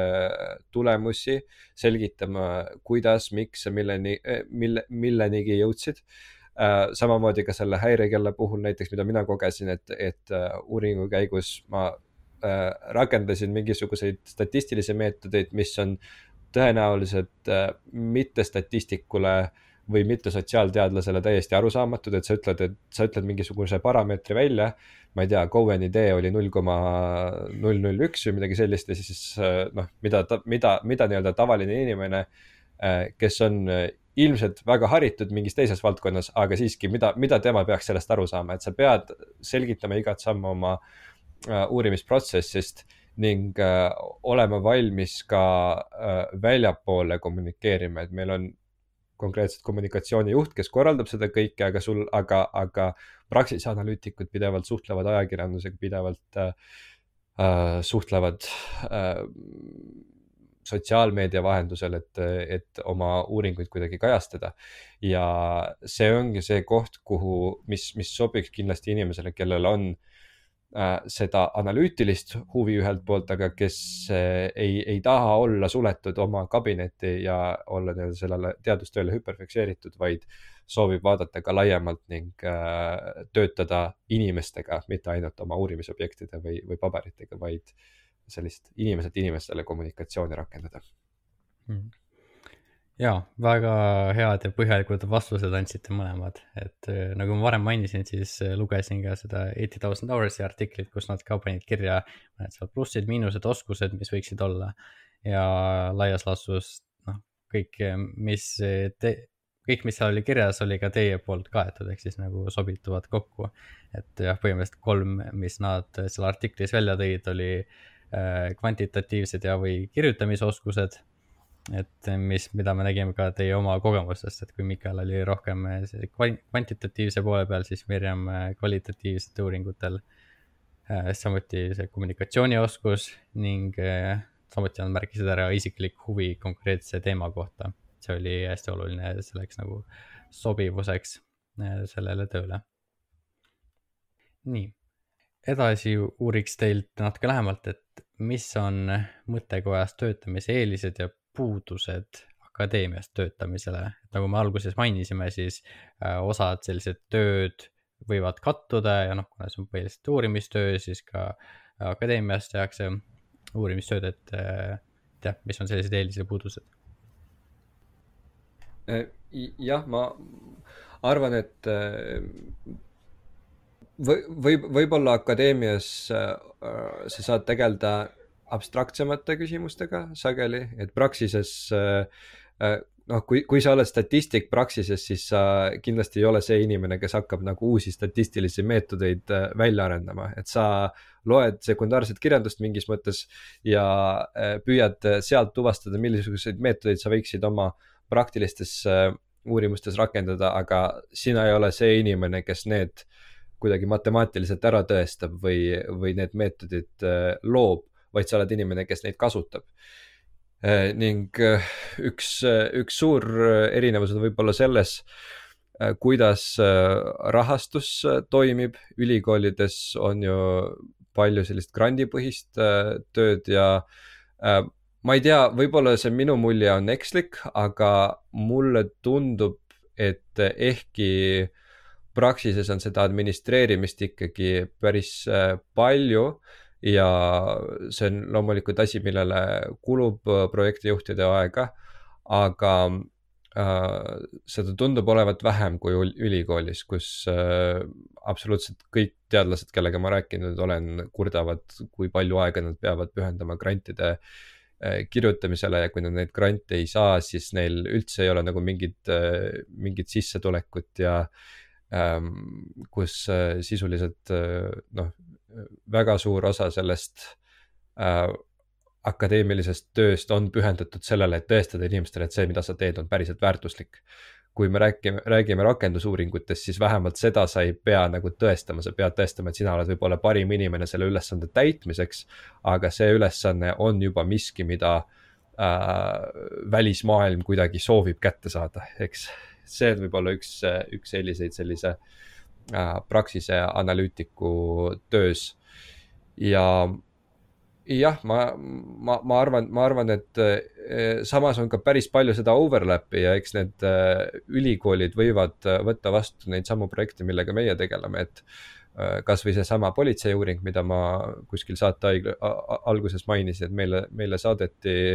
selline potentsiaalne tellimus. ma vaatasin peale, sain aru, et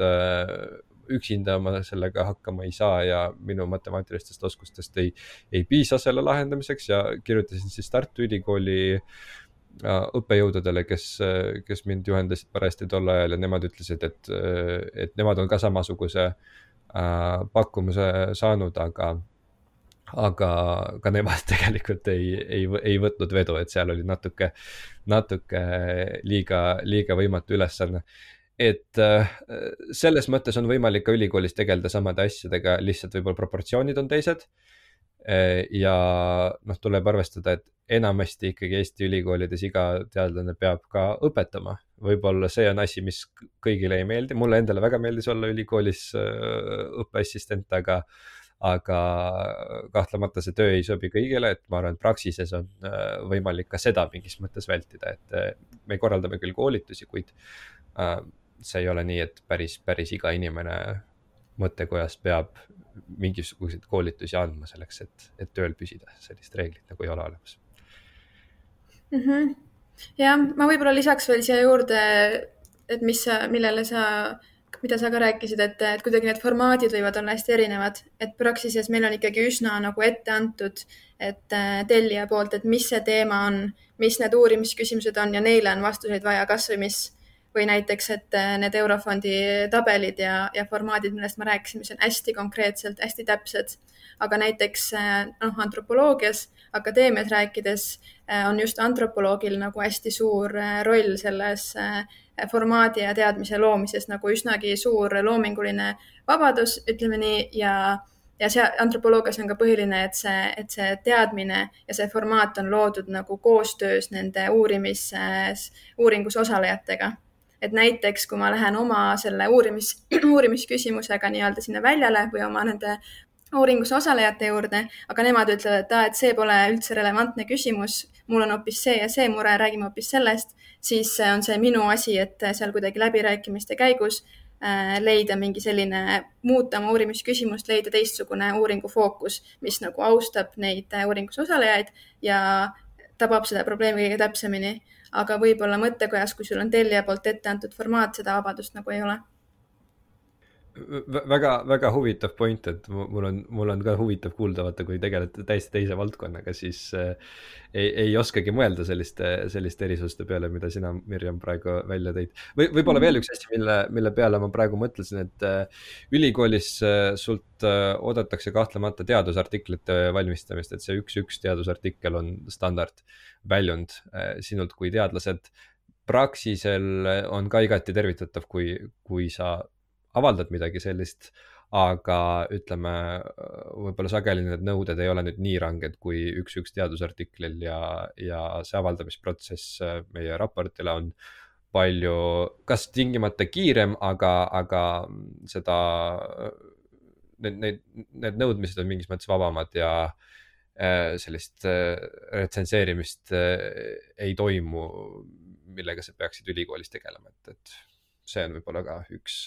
erisustest. ja kindlasti väga head mõtted kõik. jah, mul jääb kõlama just see selline kliendi äh, kirjutaja või selle suhe, et äh, kustpoolt nagu see rahastus tuleb. ehk siis, kui äh, akadeemias peab rohkem jah muretsema nende grantide pärast, aga see-eest on nagu rohkem vabadust endal otsustada, et mis teemadel granti kirjutada ja mis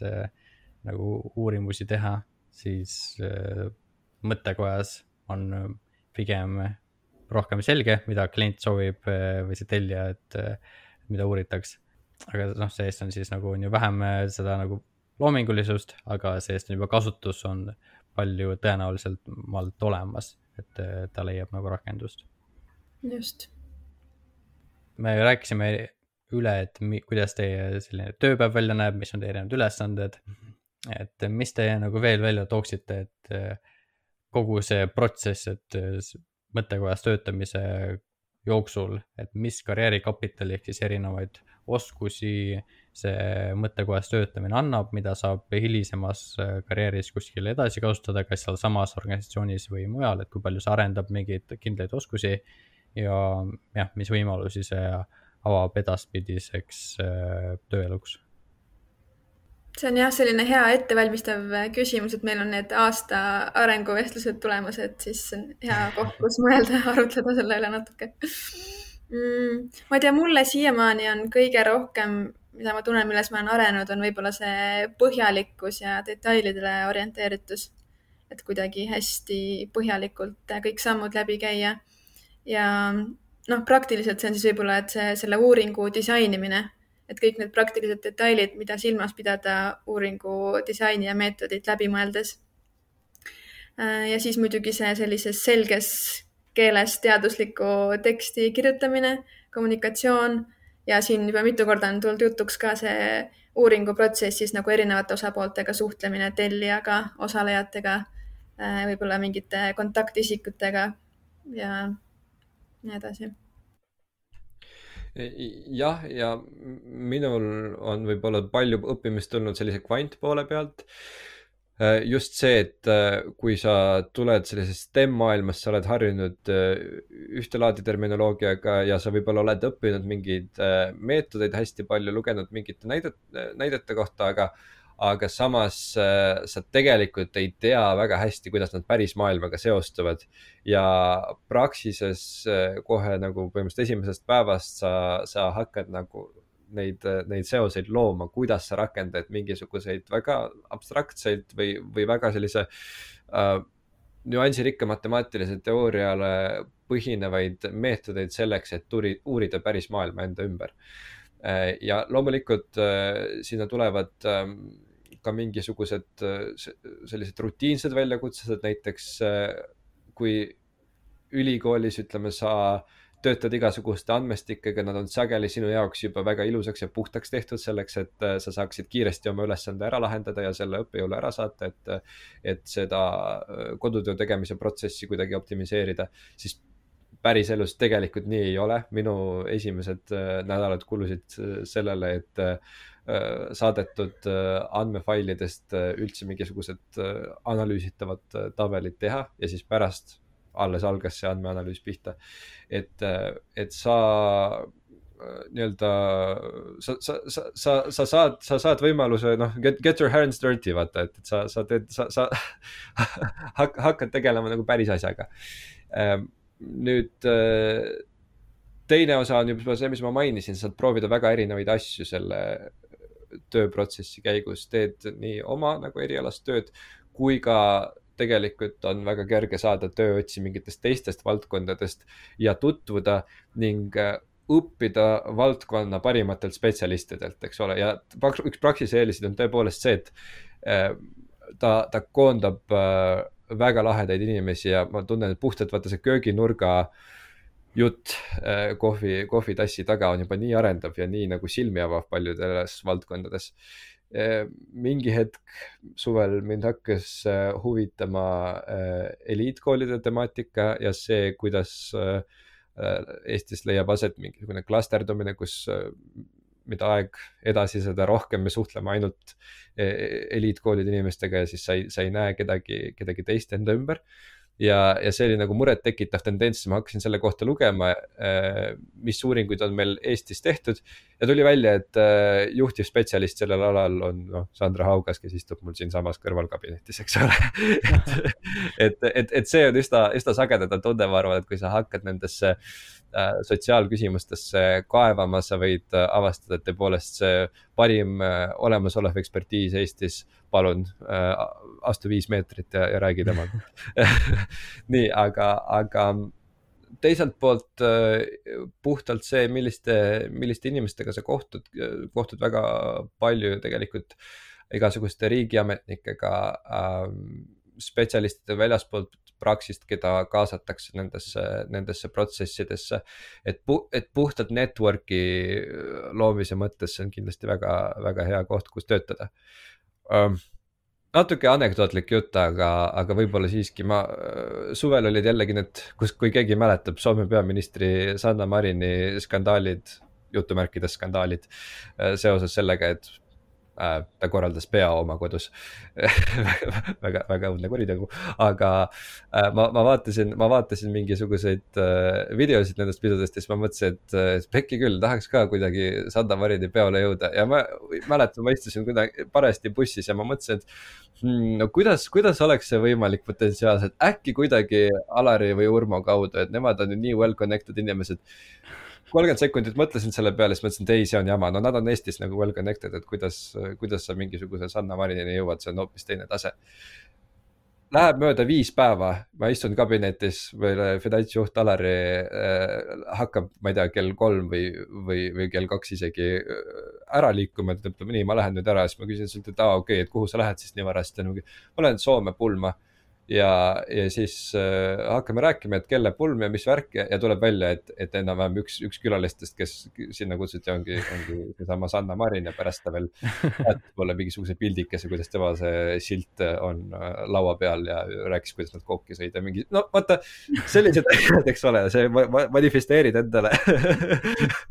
ma, ma mitte endale, vaid oma, oma kolleegile siis kohtumise, kohtumise peaministriga. aga, aga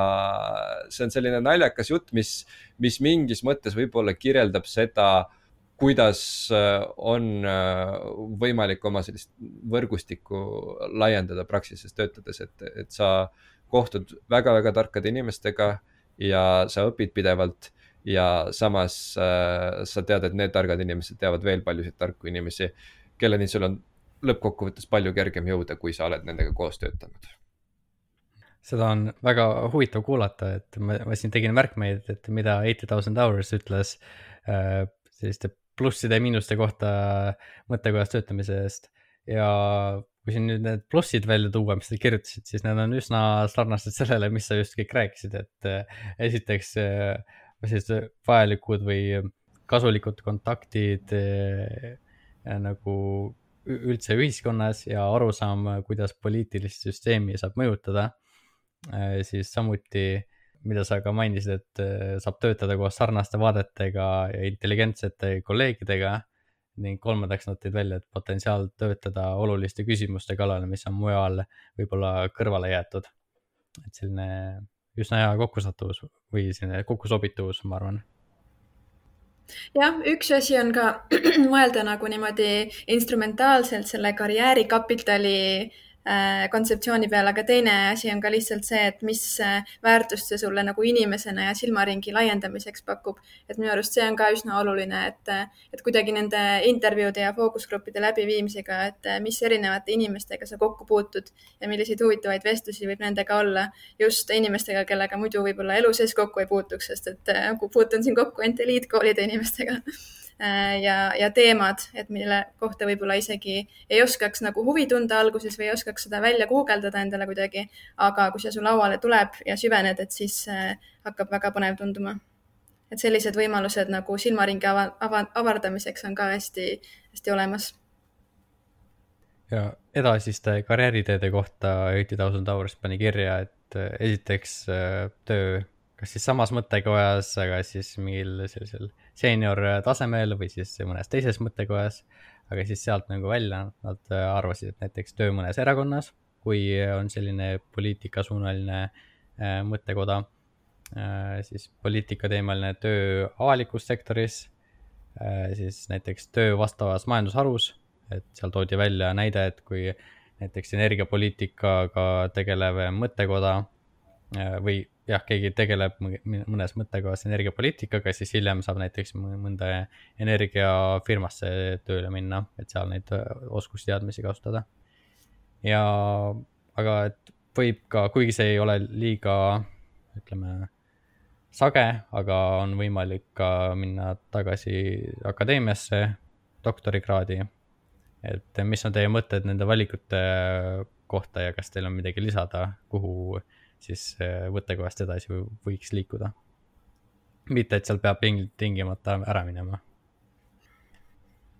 ma, ma arvan, et, et selles mõttes sa võtsid tegelikult kõik need äh, võimalikud äh, valdkonnad hästi kokku um, ma ei tea, Mirjam, kas sa nõustud minuga, aga mulle tundub, et Eesti puhul seda erakondadesse liikumist on pigem vähem, selles mõttes, et meil on küll analüütikuid, kes äh, võivad kuuluda mõnda erakonda ja kes tegelevad äh, muuhulgas ka, ma ei tea, kandideerimisega kuskil kohalikul tasandil või, või isegi riiklikul tasandil. aga ma ei ütleks, et nad on nagu full time sellised partei funktsionäärid, et see on ikkagi teine Äh, teine asi, neil on lihtsalt mingid teemad, mille pärast neil süda valutab ja siis nad lähevad äh, nende kaitseks poliitikasse. kuid äh, tegelikult mulle vähemalt näib, et see töö, mida Praxis teeb, on üsna kaugel sellest, mida ütleme, poliittehnoloogid teevad kuskil parteides ja võib-olla, võib-olla see ongi arengukoht meie ühiskonnale tervikuna, et, et erakonnad ise oleksid keskendunud sellise teaduspõhise poliitika kujundamisele aga ei ole kindel, kuivõrd see praegust situatsiooni täpselt kirjeldab, kuid kõik teised asjad, mida sa mainisid, näiteks tööametnikuna äh, kuskil ministeeriumis või kohalikus omavalitsuses või mõnes äh, äh, riiklikus asutuses nagu Tervise Arengu Instituut seal või, või midagi, midagi sarnast, et need kõik on väga tõenäoliselt kohad, kuhu Praxisest edasi liikuda, neid näiteid on, ma arvan, piisavalt, kui me äh, lahkunud äh, kolleege vaatame äh, ja erasektorisse ilmselt liigutakse ka pigem vist vähemal määral kui, kui sellistesse teistesse riiklikesse asutustesse. Ja loomulikult teised uuringufirmad või mõttekojad on ka kohad, kuhu äh, äh, sageli minnakse, et äh, ongi asi selles, et, et võitlus käib mingisuguse Centeriga või Arenguseire Keskusega nende, nende spetsialistide pärast, et äh, kes nad lõpuks endale saab. Aga äh, mis puudutab akadeemilist tööd, sa ütlesid, et doktorikraadi omandamine ja ülikooli liikumine. Paljud tegelikult teevad neid asju paralleelselt, et näiteks minu äh, vahetu juhendaja selle Häirekella projekti puhul, Maris Vainre väga-väga tark äh, inimene ja tema vist töötabki Praxises mingisuguse väikse koormusega. Äh, suurema oma, osa oma ajast äh, ta kirjutab siis doktori, doktoritööd. aga lihtsalt see on näide sellest, et inimene ühildab oma sellist akadeemilist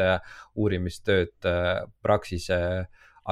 tööga ja need ei ole kuidagi teineteist välistavad asjad Äh, seda, et keegi käib äh, kuskil ülikoolis loenguid äh, pidamas lektori rollis või ühel või teisel kujul lööb mingites projektides kaasa, et see on väga-väga levinud ja mm -hmm. ma arvan, tervitatav Praxise puhul. selge, me juba, ma arvan, katsime üsna hästi, et mis on see selline potentsiaalne mõju mõttekojas töötamisel äh, et mis on need siis nii-öelda riskifaktorid või teadmatused, et kust see mõju tuleb või mitte. aga kui keegi on huvitatud mõttekojas töötamisest või kaalub seda, et mis mõned muud alternatiivid tal võiksid olla, et äh, potentsiaalselt kas samaväärse või suurema mõjuga töökohtadeks, et siis arvestades seda, et siis on mingid, kasutab mingisuguseid sarnaseid või samasid oskusi ja teadmisi? no ma ütleks, et põhimõtteliselt need, mis äh, said äh, siin mainitud. võib-olla inimesel, kes tahab mõttekojas äh, töötada, tasub kaaluda ka riigiametniku tööd. mulle isiklikult tundub, et sinu selline marginaalne mõju võib olla lõppkokkuvõttes suurem, kui sa lähed ametnikuna tööle. Äh, sellel on oma hind, mida sa pead ilmselt maksma, et sa ei saa nii vabalt neid teemasid valida, mida sa tege-, millega sa tahad tegeleda, nagu sa seda Praxises teha saad. sa pead ilmselt äh, leppima mingisuguste poliitiliste piirangutega, et äh, tuleb uus minister, kellel on oma agenda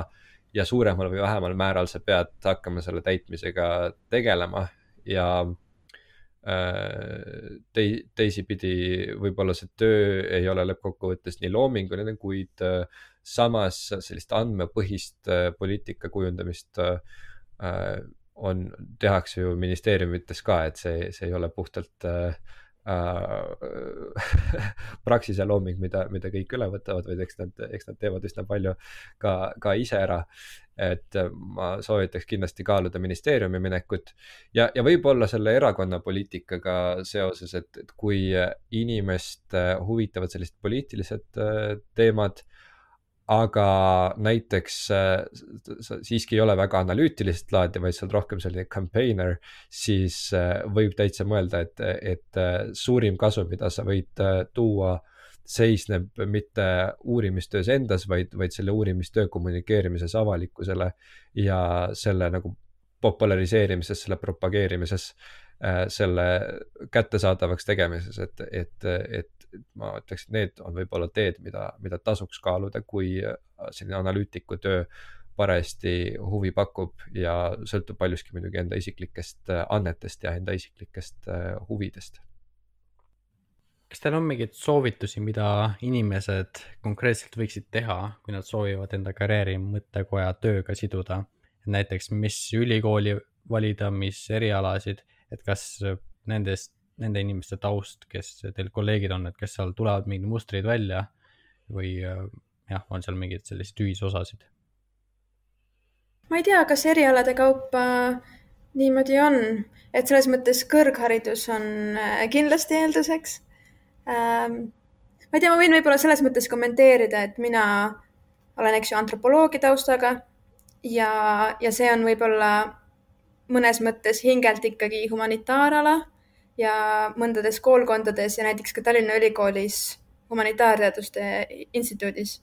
et siis ma võib-olla algul natuke pelgasin, et kuidas see nagu sobib sinna, ma ei tea, sotsiaalteaduste juurde, poliitika arutelude juurde ja nii edasi, et kuidas seal nagu oma koht leida.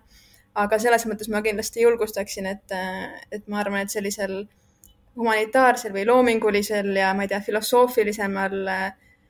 sügavuti mõtlemisel on ka täitsa oma koht olemas nendes poliitilistes arutelu, aruteludes ja nendes äh, uuringutes ja analüüsis või vähemalt äh,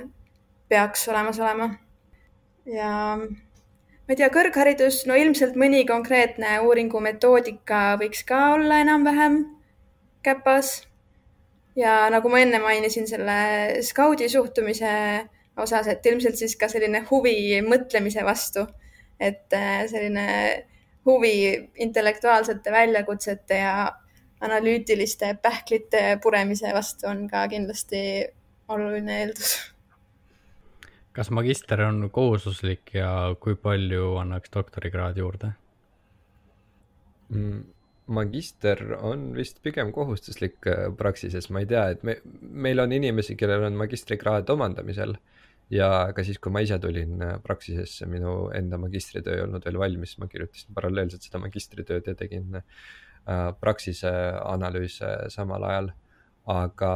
samas äh, mulle, mulle tundub, et jah, et sellisel äh, tasandil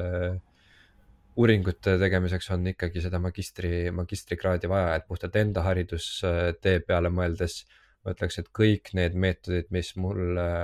kasulikuks osutuksid, nad, ma õppisin need just magistriõpingute käigus ära. et äh, võib-olla see sõltub natuke ka erialavalikust, sest et äh, bakalaureusess äh, ma õppisin puhast matemaatikat ja seal ei olnud nagu nii palju neid analüüsimeetodeid, mida sotsiaalteadustes rakendada. aga teisipidi ma ei usu, et need statistikaprogrammid tegelikult äh, sisaldasid neid vajalikke teadmisi, et, et bakatasandist äh, oleks kindlasti vähe jäänud, kui poleks äh, magistri statistikaaineid läbinud. vähemalt, vähemalt äh, enda kogemuse põhjal võin, võin seda öelda. et, et see on igati soovitatav, aga ei tasu nüüd mõelda, et mingi, oo, mul on ainult bakakraad, et ma kindlasti ei, ei, ei tohiks Praxisesse kandideerida või ei tohiks proovida seda. kindlasti, kindlasti tasub töökuulutustes on ka ikkagi enamasti ju noh, bakalaureusekraadiga. Ähm, ja meil on ju väga-väga mitmed alustanud bakalaureusekraadiga. aga jah, ma olen nõus, et see kindlasti annab juurde, see magistrikraad. ja doktorikraad, kuidas on see mõnel positsioonil seal vajalik, kasulik um,? Jällegi nüüd on, nüüd on juba, nüüd on juba subjektiivne selline ta, taas, taas subjektiivne isiklikust äh, kogemusest lähtuv vastus. ma olen selle peale mõelnud, sest et äh, kui magistri lõpetasin, tuli ka juhendajalt ja, ja ülikooli inimestelt ettepanek, et võib-olla tahaksid doktorantuuri tulla ja sellega tegeleda. aga samas äh, vähemalt sellise matemaatilise statistika valdkonnas ma arvan, et äh, doktori tasandil sa juba tegeled selliste kaasaegsete meetodite arendamisega ja võib-olla sellest Äh, on äh, kasu, kuid äh, see nii-öelda cost benefit ei pruugi olla heas proportsioonis, et sa, sa õpid väga palju asju, mida sa ilmselt ei saa täiel määral rakendada oma töökohas ja see eelis, mis sa saad, sa ilmselt panustad natuke liiga palju energiat selle eelise, eelise kättesaamiseks Äh, ma ei ole üldse kindel, et seesama tähelepanek kehtiks äh, teiste valdkondade spetsialistide puhul, sest et äh, jällegi minu vahetud juhendajad olid kõik doktorikraadiga inimesed, siis kas ühiskonnauuringute vallas või,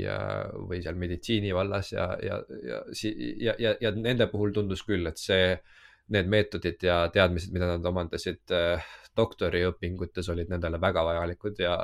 väga kasulikud sellele igapäevasele tööle praksises, mis nad äh,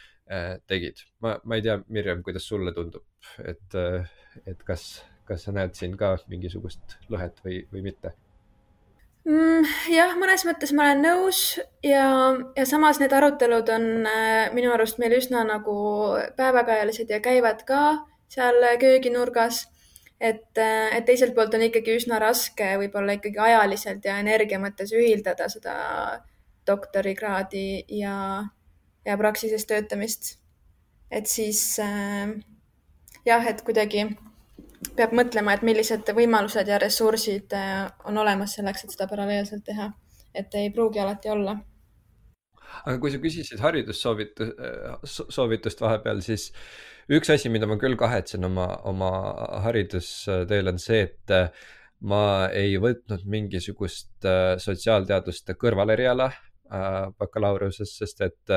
sellest tunnen küll puudust, et ma võib-olla ei orienteerinud liiga hästi selle sotsiaalteadlaste keelekasutuses ja isegi need statistilised vahendid, mida kasutavad, ütleme noh tavalised statistikud ja ütleme, poliitikakujundajad, nad, nad on äh, natuke erinevad. Äh, see ei ole kindlasti nüüd drastiline puudujääk või miski, millest ei oleks võimalik seal paari kuuga üle saada. Aga kahtlemata oleks abi sellisest äh, äh, sotsiaalteaduslikust silmaringist. Ja teisipidi äh, ma ütleks, et inimestel, kellel on huvi just sellise kvandi vastu, kes tunnevad, et äh, nad on numbritega head ja nad tahaksid äh, teha just nimelt kvantitatiivset uurimistööd, olgu siis näiteks psühhomeetrias või siis politoloogias või, või mõnes teises valdkonnas, siis pigem soovitaksin võtta matemaatiline statistika ja sotsiaalteaduste kõrvaleriala kui, äh, kui vastupidi, sest et äh, võib-olla Briti ülikoolides näiteks ma tean, on, ma ei tea, Mirjam, kuidas, kuidas, kuidas sinul oli, aga aga teistel sõpradel, kes on Inglismaal õppinud äh, igasuguseid sotsiaalalasid või isegi humanitaaralasid, neil on väga põhjalik äh, kvantitatiivne ettevalmistus äh,. Eesti puhul see kahjuks ei ole niimoodi, et, et äh, mul jääb mulje, et kõik, kes on äh, kõik need sotsiaalteadlased, kes äh, hoomavad kvantitatiivseid meetodeid, on väga palju aega pühendanud nende iseseisvasse õppesse, mitte ülikooli programmides seda omandanud, et, et Eestis õppides kindlasti soovitan võtta pigem kvantala ja sotsiaalteadusi kõrvale kui vastupidi. väga hästi. jah, et mis oleksid äh, mõned head nii-öelda odavad katsetused et mõista, kas ana-, analüütikuna mõttekojas töötamine on meelepärane või mitte. no kõigepealt Praxise koduleht lahti ja siis hakata järjest meie PDF-e lugema. et äh, mõnele võib-olla tundub hullult huvitav ja tahabki hakata sellesse valdkonda süüvima, aga teisele jällegi tundub äh, jube igav, et mis mõttes mingi viiskümmend lehekülge mingisugust PDF-i, mingit, äh, mingit uuringu tulemusi, intervjuud, kokkuvõtteid, et. kui, kui juba seal plokk ette tuleb, siis ma arvan, et, et võib-olla tasub mingit teist tööd kaaluda, et see on selline esimene äh, tase, millega katsetada, aga Mirjam, ma ei tea, mida sina edasi teha soovitaksid nõus ja, ja muidugi näiteks selle podcast'i kuulamine ja kui pärast nende uuringute lugemist tekib mingi huvi või tekivad küsimused, siis ma arvan, et näiteks Praxise poole võib küll ükskõik kelle poole pöörduda, kirjutada ja lihtsalt, ma ei tea, küsida või leppida kokku mingi kõne. et ma usun, et kõik on nõus natuke oma tööst lähemalt rääkima. või ma ei tea, mis igasugu, igasuguseid variante on ju olemas, töö varjutamine siis vahepeal meil käis siin ka järelkasvu programm äh, koostöös siis Rakendusliku Antropoloogia Keskusega, kus siis need osalejad saidki konkreetselt proovida, äh, ma saan aru, et läbi teha mingeid äh, nii-öelda mock-uuringuid, et proovida, mis tunne on mõttekojas töötada. et kui see uuesti tuleb, et siis see on üks variant, kus proovida ja ah,, ja siis muidugi see ka, et kui keegi kutsub näiteks äh, uuringus osalema, näiteks äh, intervjuule või fookusgrupi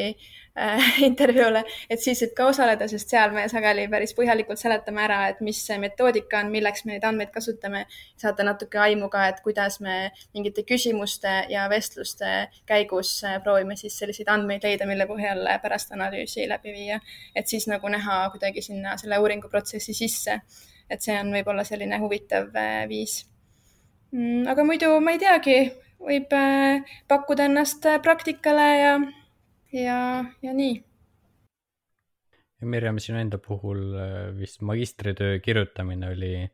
samamoodi üheks selliseks katsetuseks, noh, mida võib selleks pidada, et kuna kirjutasid ka sarnasel teemal, mida ka mõttekodades, mille peale mõeldakse, et ja sisaldas ka sellist nagu uurimust, siis tundub, et see oli ka selliseks heaks testiks või mis sa arvad? Mm, ma ei tea, seda ma vist ei ütleks, sest et see on ikkagi formaadilt nagu hoopis teistsugune ja hästi, mul oli see hästi väiksemal skaalal ja, ja nagu ma enne juba mainisin, et antropoloogias nagu kuidagi see enda vabadus seda argumenti ja uurimisküsimust luua on nagu äh, suurem. aga samas nüüd, kui sa mainisid seda, siis võib-olla lihtsalt äh, kõrgharidus on ka niisugune mitte väga odav katsetus, aga põhiliselt võib arvata, et kui sulle tegelikult ikkagi natuke meeldis kõrghariduses lugeda keerulisi pikki tekste ja kirjutada pikki tekste, viia läbi mingeid äh, uuringuid, et siis ilmselt sulle äh, mõttekojas töö meeldib ka jah, eks see sõltub kindlasti ka, mis äh, riigist kõrgharidust omandada, et kui odav või kallis lõpuks tuleb, aga ütleme, ajakulu on jah, tõenäoliselt üks suurimaid faktoreid, vähemalt Eestis aga, aga tegelikult ma arvan, see viimane point, mida Mirjam, sina välja tõid, on, on väga-väga hea mõte. et kui sa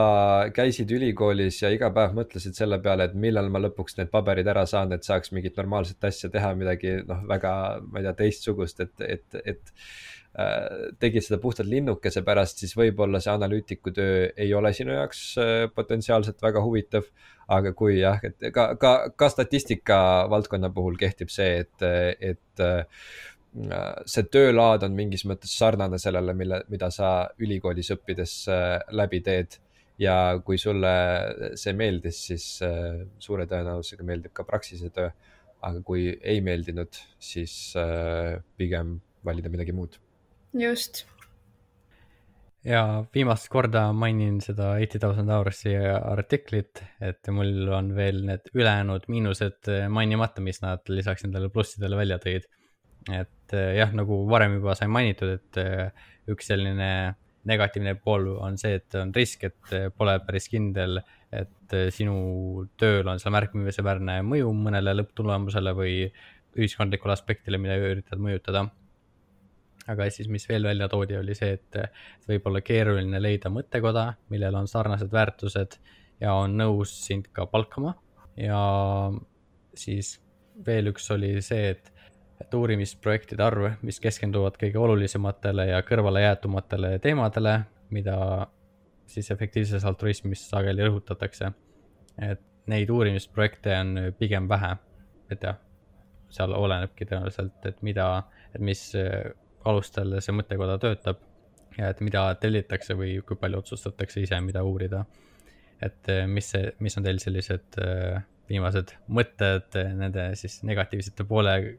poole aspektide kohta ja kas tooksite veel midagi lisaks välja? ma, ma arvan, et see efektiivse altruismi teemade puuduse probleem on ilmselt äh, kõige tõsisem nendest, mida sa välja tõid. et äh, kui päris aus olla, selliseid väga hardcore EA fänne ma pean hoiatama, ma Praxises ei tegele liiga palju malaaria ennetusega ja ütleme, tehisintellekti riskide uurimisega või äh, igasuguste biorelvadega seotud ohtude analüüsimisega, et et neid teemasid on päris vähe ja võib-olla noh, efektiivsel altruistil tekib esimene küsimus, et okei okay,, te analüüsite mingit poliitika kujundamist Eestis, aga noh, ükski efektiivne altruist ei tohiks never ever tegeleda mingisuguse Eesti teemaga, sest et sest et äh, meil on võrdlemisi, võrdlemisi rikas riik, kus on äh, kõik võrdlemisi hästi, vaatamata kõrgetele elektrihindadele ja, ja kütuse hinda kasvule et, et see ei ole see koht, kuhu sa saaksid äh, minimaalse effort'iga võimalikult palju elusid päästa, et, et kui, kui, kui see heidutab teid, siis äh, kindlasti siis kindlasti tasub midagi muud otsida, et. aga kui mitte ja võib-olla kõik kuulajad ei ole päris nagu sada protsenti sellise EA ideoloogia sees, siis, siis, siis mõttekoda võib olla koht, mida kaaluda, aga jah, ma ei, ma ei tea, Rainer, mida, mida sina arvad tagasisideks sellele, aga. aga see on kindlasti üks asi, mis, millest tuleb hoiatada vist meie kuulajaid mm jah, samas äh, ma näen, et mingeid võimalusi on ka ütleme, heal järjel olevates riikides poliitika mõjutamisel äh, selleks, et parandada olukorda mujal, et äh, charity entrepreneurship'i programmist, viimasest suvisest inkubatsioonist tuli nüüd uus, uus organisatsioon, mis ma nüüd ei mäleta, mis riigis nad või piirkonnas plaanivad hakata tegutsema, aga nende eesmärk on mõjutada riikide siis humanitaarabi, just sellist nagu välisabi sekkumisi, et need oleksid võimalikult tõhusad ja läheksid projektidesse, mis aitaksid võimalikult palju inimesi. ehk siis võib-olla, kui on midagi sellel teemal, siis on ka nagu mõju väljaspool siis Eestit või ütleme siis heaoluriiki nii, aga tundub, et eh, Mirjam vist vahepeal siin kadus ära. Jah, ei tea, tal, ta vahepeal hoiatas, et tal võib internet kaduda, seega ilmselt see, ilmselt see nüüd juhtus. ja, aga mul on siin veel üks eh, küsimus selle kohta, et kui kedagi nüüd hakkasid mõttekojad rohkem huvitama, et lisaks Praxisele ja Arenguseire Keskusele, mis siin vahepeal said mainitud, et kas eh, oskad nimetada veel mõnda mõttekoda siin Eestis või lähiriikides, mida potentsiaalselt huvitunud võiksid uurida? Ähm, jah, et minu arust Balti Uuringute Instituut on üks äh, asutus, mis äh, tegeleb äh, sarnaste asjadega, siis on olemas näiteks selline ettevõte nagu Center, see ei ole küll päris mõttekoda, nad on eraettevõte, aga Äh, teemad, millega nad tegelevad, on väga sarnased nendele teemadele, millega Praxis äh, tegeleb, siis on olemas näiteks Acadian, mis on iseenesest kommunikatsioonibüroo, aga äh, ka nemad viivad läbi selliseid laiemapõhjalisi uuringuid sageli ja nendel on ka analüütikuid vaja, siis neid kohti on veel, minu meelest oli veel selline asutus nagu Civita ja, ja ja võib-olla Mirjamil oleks äh, praegu veel midagi meelde tule, tulnud, kui ta, kui ta oleks online. aga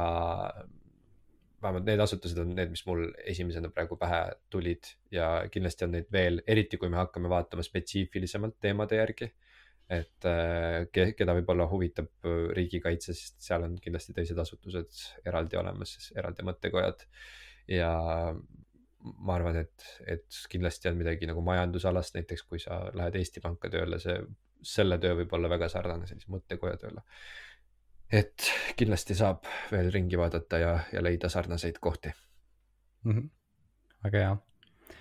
Aga Mikael, suur aitäh sulle ja Mirjamile samuti, kes nüüd paraku, kelle internetis kadus korraks ära, et mõlemad mõlemale teile suur aitäh, et äh, tulite ja jagasite oma kogemusi mõttekojas töötamise kohta, et äh, ma arvan, et me saime siia väga hea sellise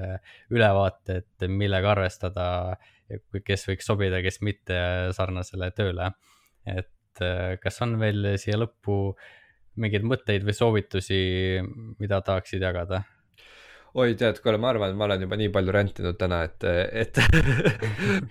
minu, minu poolest aitab küll, Mirjam oleks võinud midagi öelda, kuid tema on kahjuks kadunud. aitäh sulle kutsumast EA podcast'i, väga tore oli vestelda. ja lõpetuseks on meil kolm efektiivse altruismiga seotud uudist. esiteks avatud on kandideerimine efektiivse altruismi konverentsidele EAG London, mis toimub mai teises pooles, EAGX Varssav, mis toimub juuni keskel ja EAG Boston, mis leiab aset oktoobri lõpus. lingi rohkema infoga leiad saate kirjeldusest. teiseks, veebilehe annetatargalt.ee jõulukampaania raames koguti kümme tuhat üheksasada kaksteist eurot annetusi. selle eest saab vaktsineerida kuuskümmend kuus last paljude haiguste vastu või anda A-vitamiini toidulisandeid kaheteist tuhandele alatoituvusega lapsele või saab viia kaks tuhat seitsesada nelikümmend viis putukamürkidega töödeldud voodivõrku malaaria piirkondades elavatele peredele. anneta targalt veebilehe kaudu kogutakse annetusi GiveWelli poolt analüüsitud ja hinnatud neljale heategevusorganisatsioonile, mis on kõik läbinud põhjaliku mõju hindamise ja analüüsi annetades saad ise märkida, millistele organisatsioonidele soovid, et sinu annetus läheb. pane oma annetus teele annetatargalt.ee.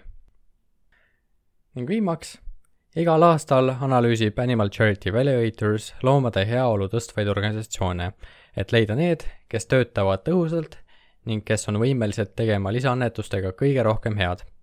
kahe tuhande kahekümne teise aasta analüüsi põhjal soovitavad nad viit organisatsiooni kelleks on The Good Food Institute, Fish Welfare Initiative, Synergia Animal, Taani Toimetoidu Assotsiatsioon ja Türgi farmiloomade heaolu organisatsioon. rohkem infot nende organisatsioonide ja eelmiste aastate soovituste kohta leiad saate kirjelduses oleva lingi kaudu.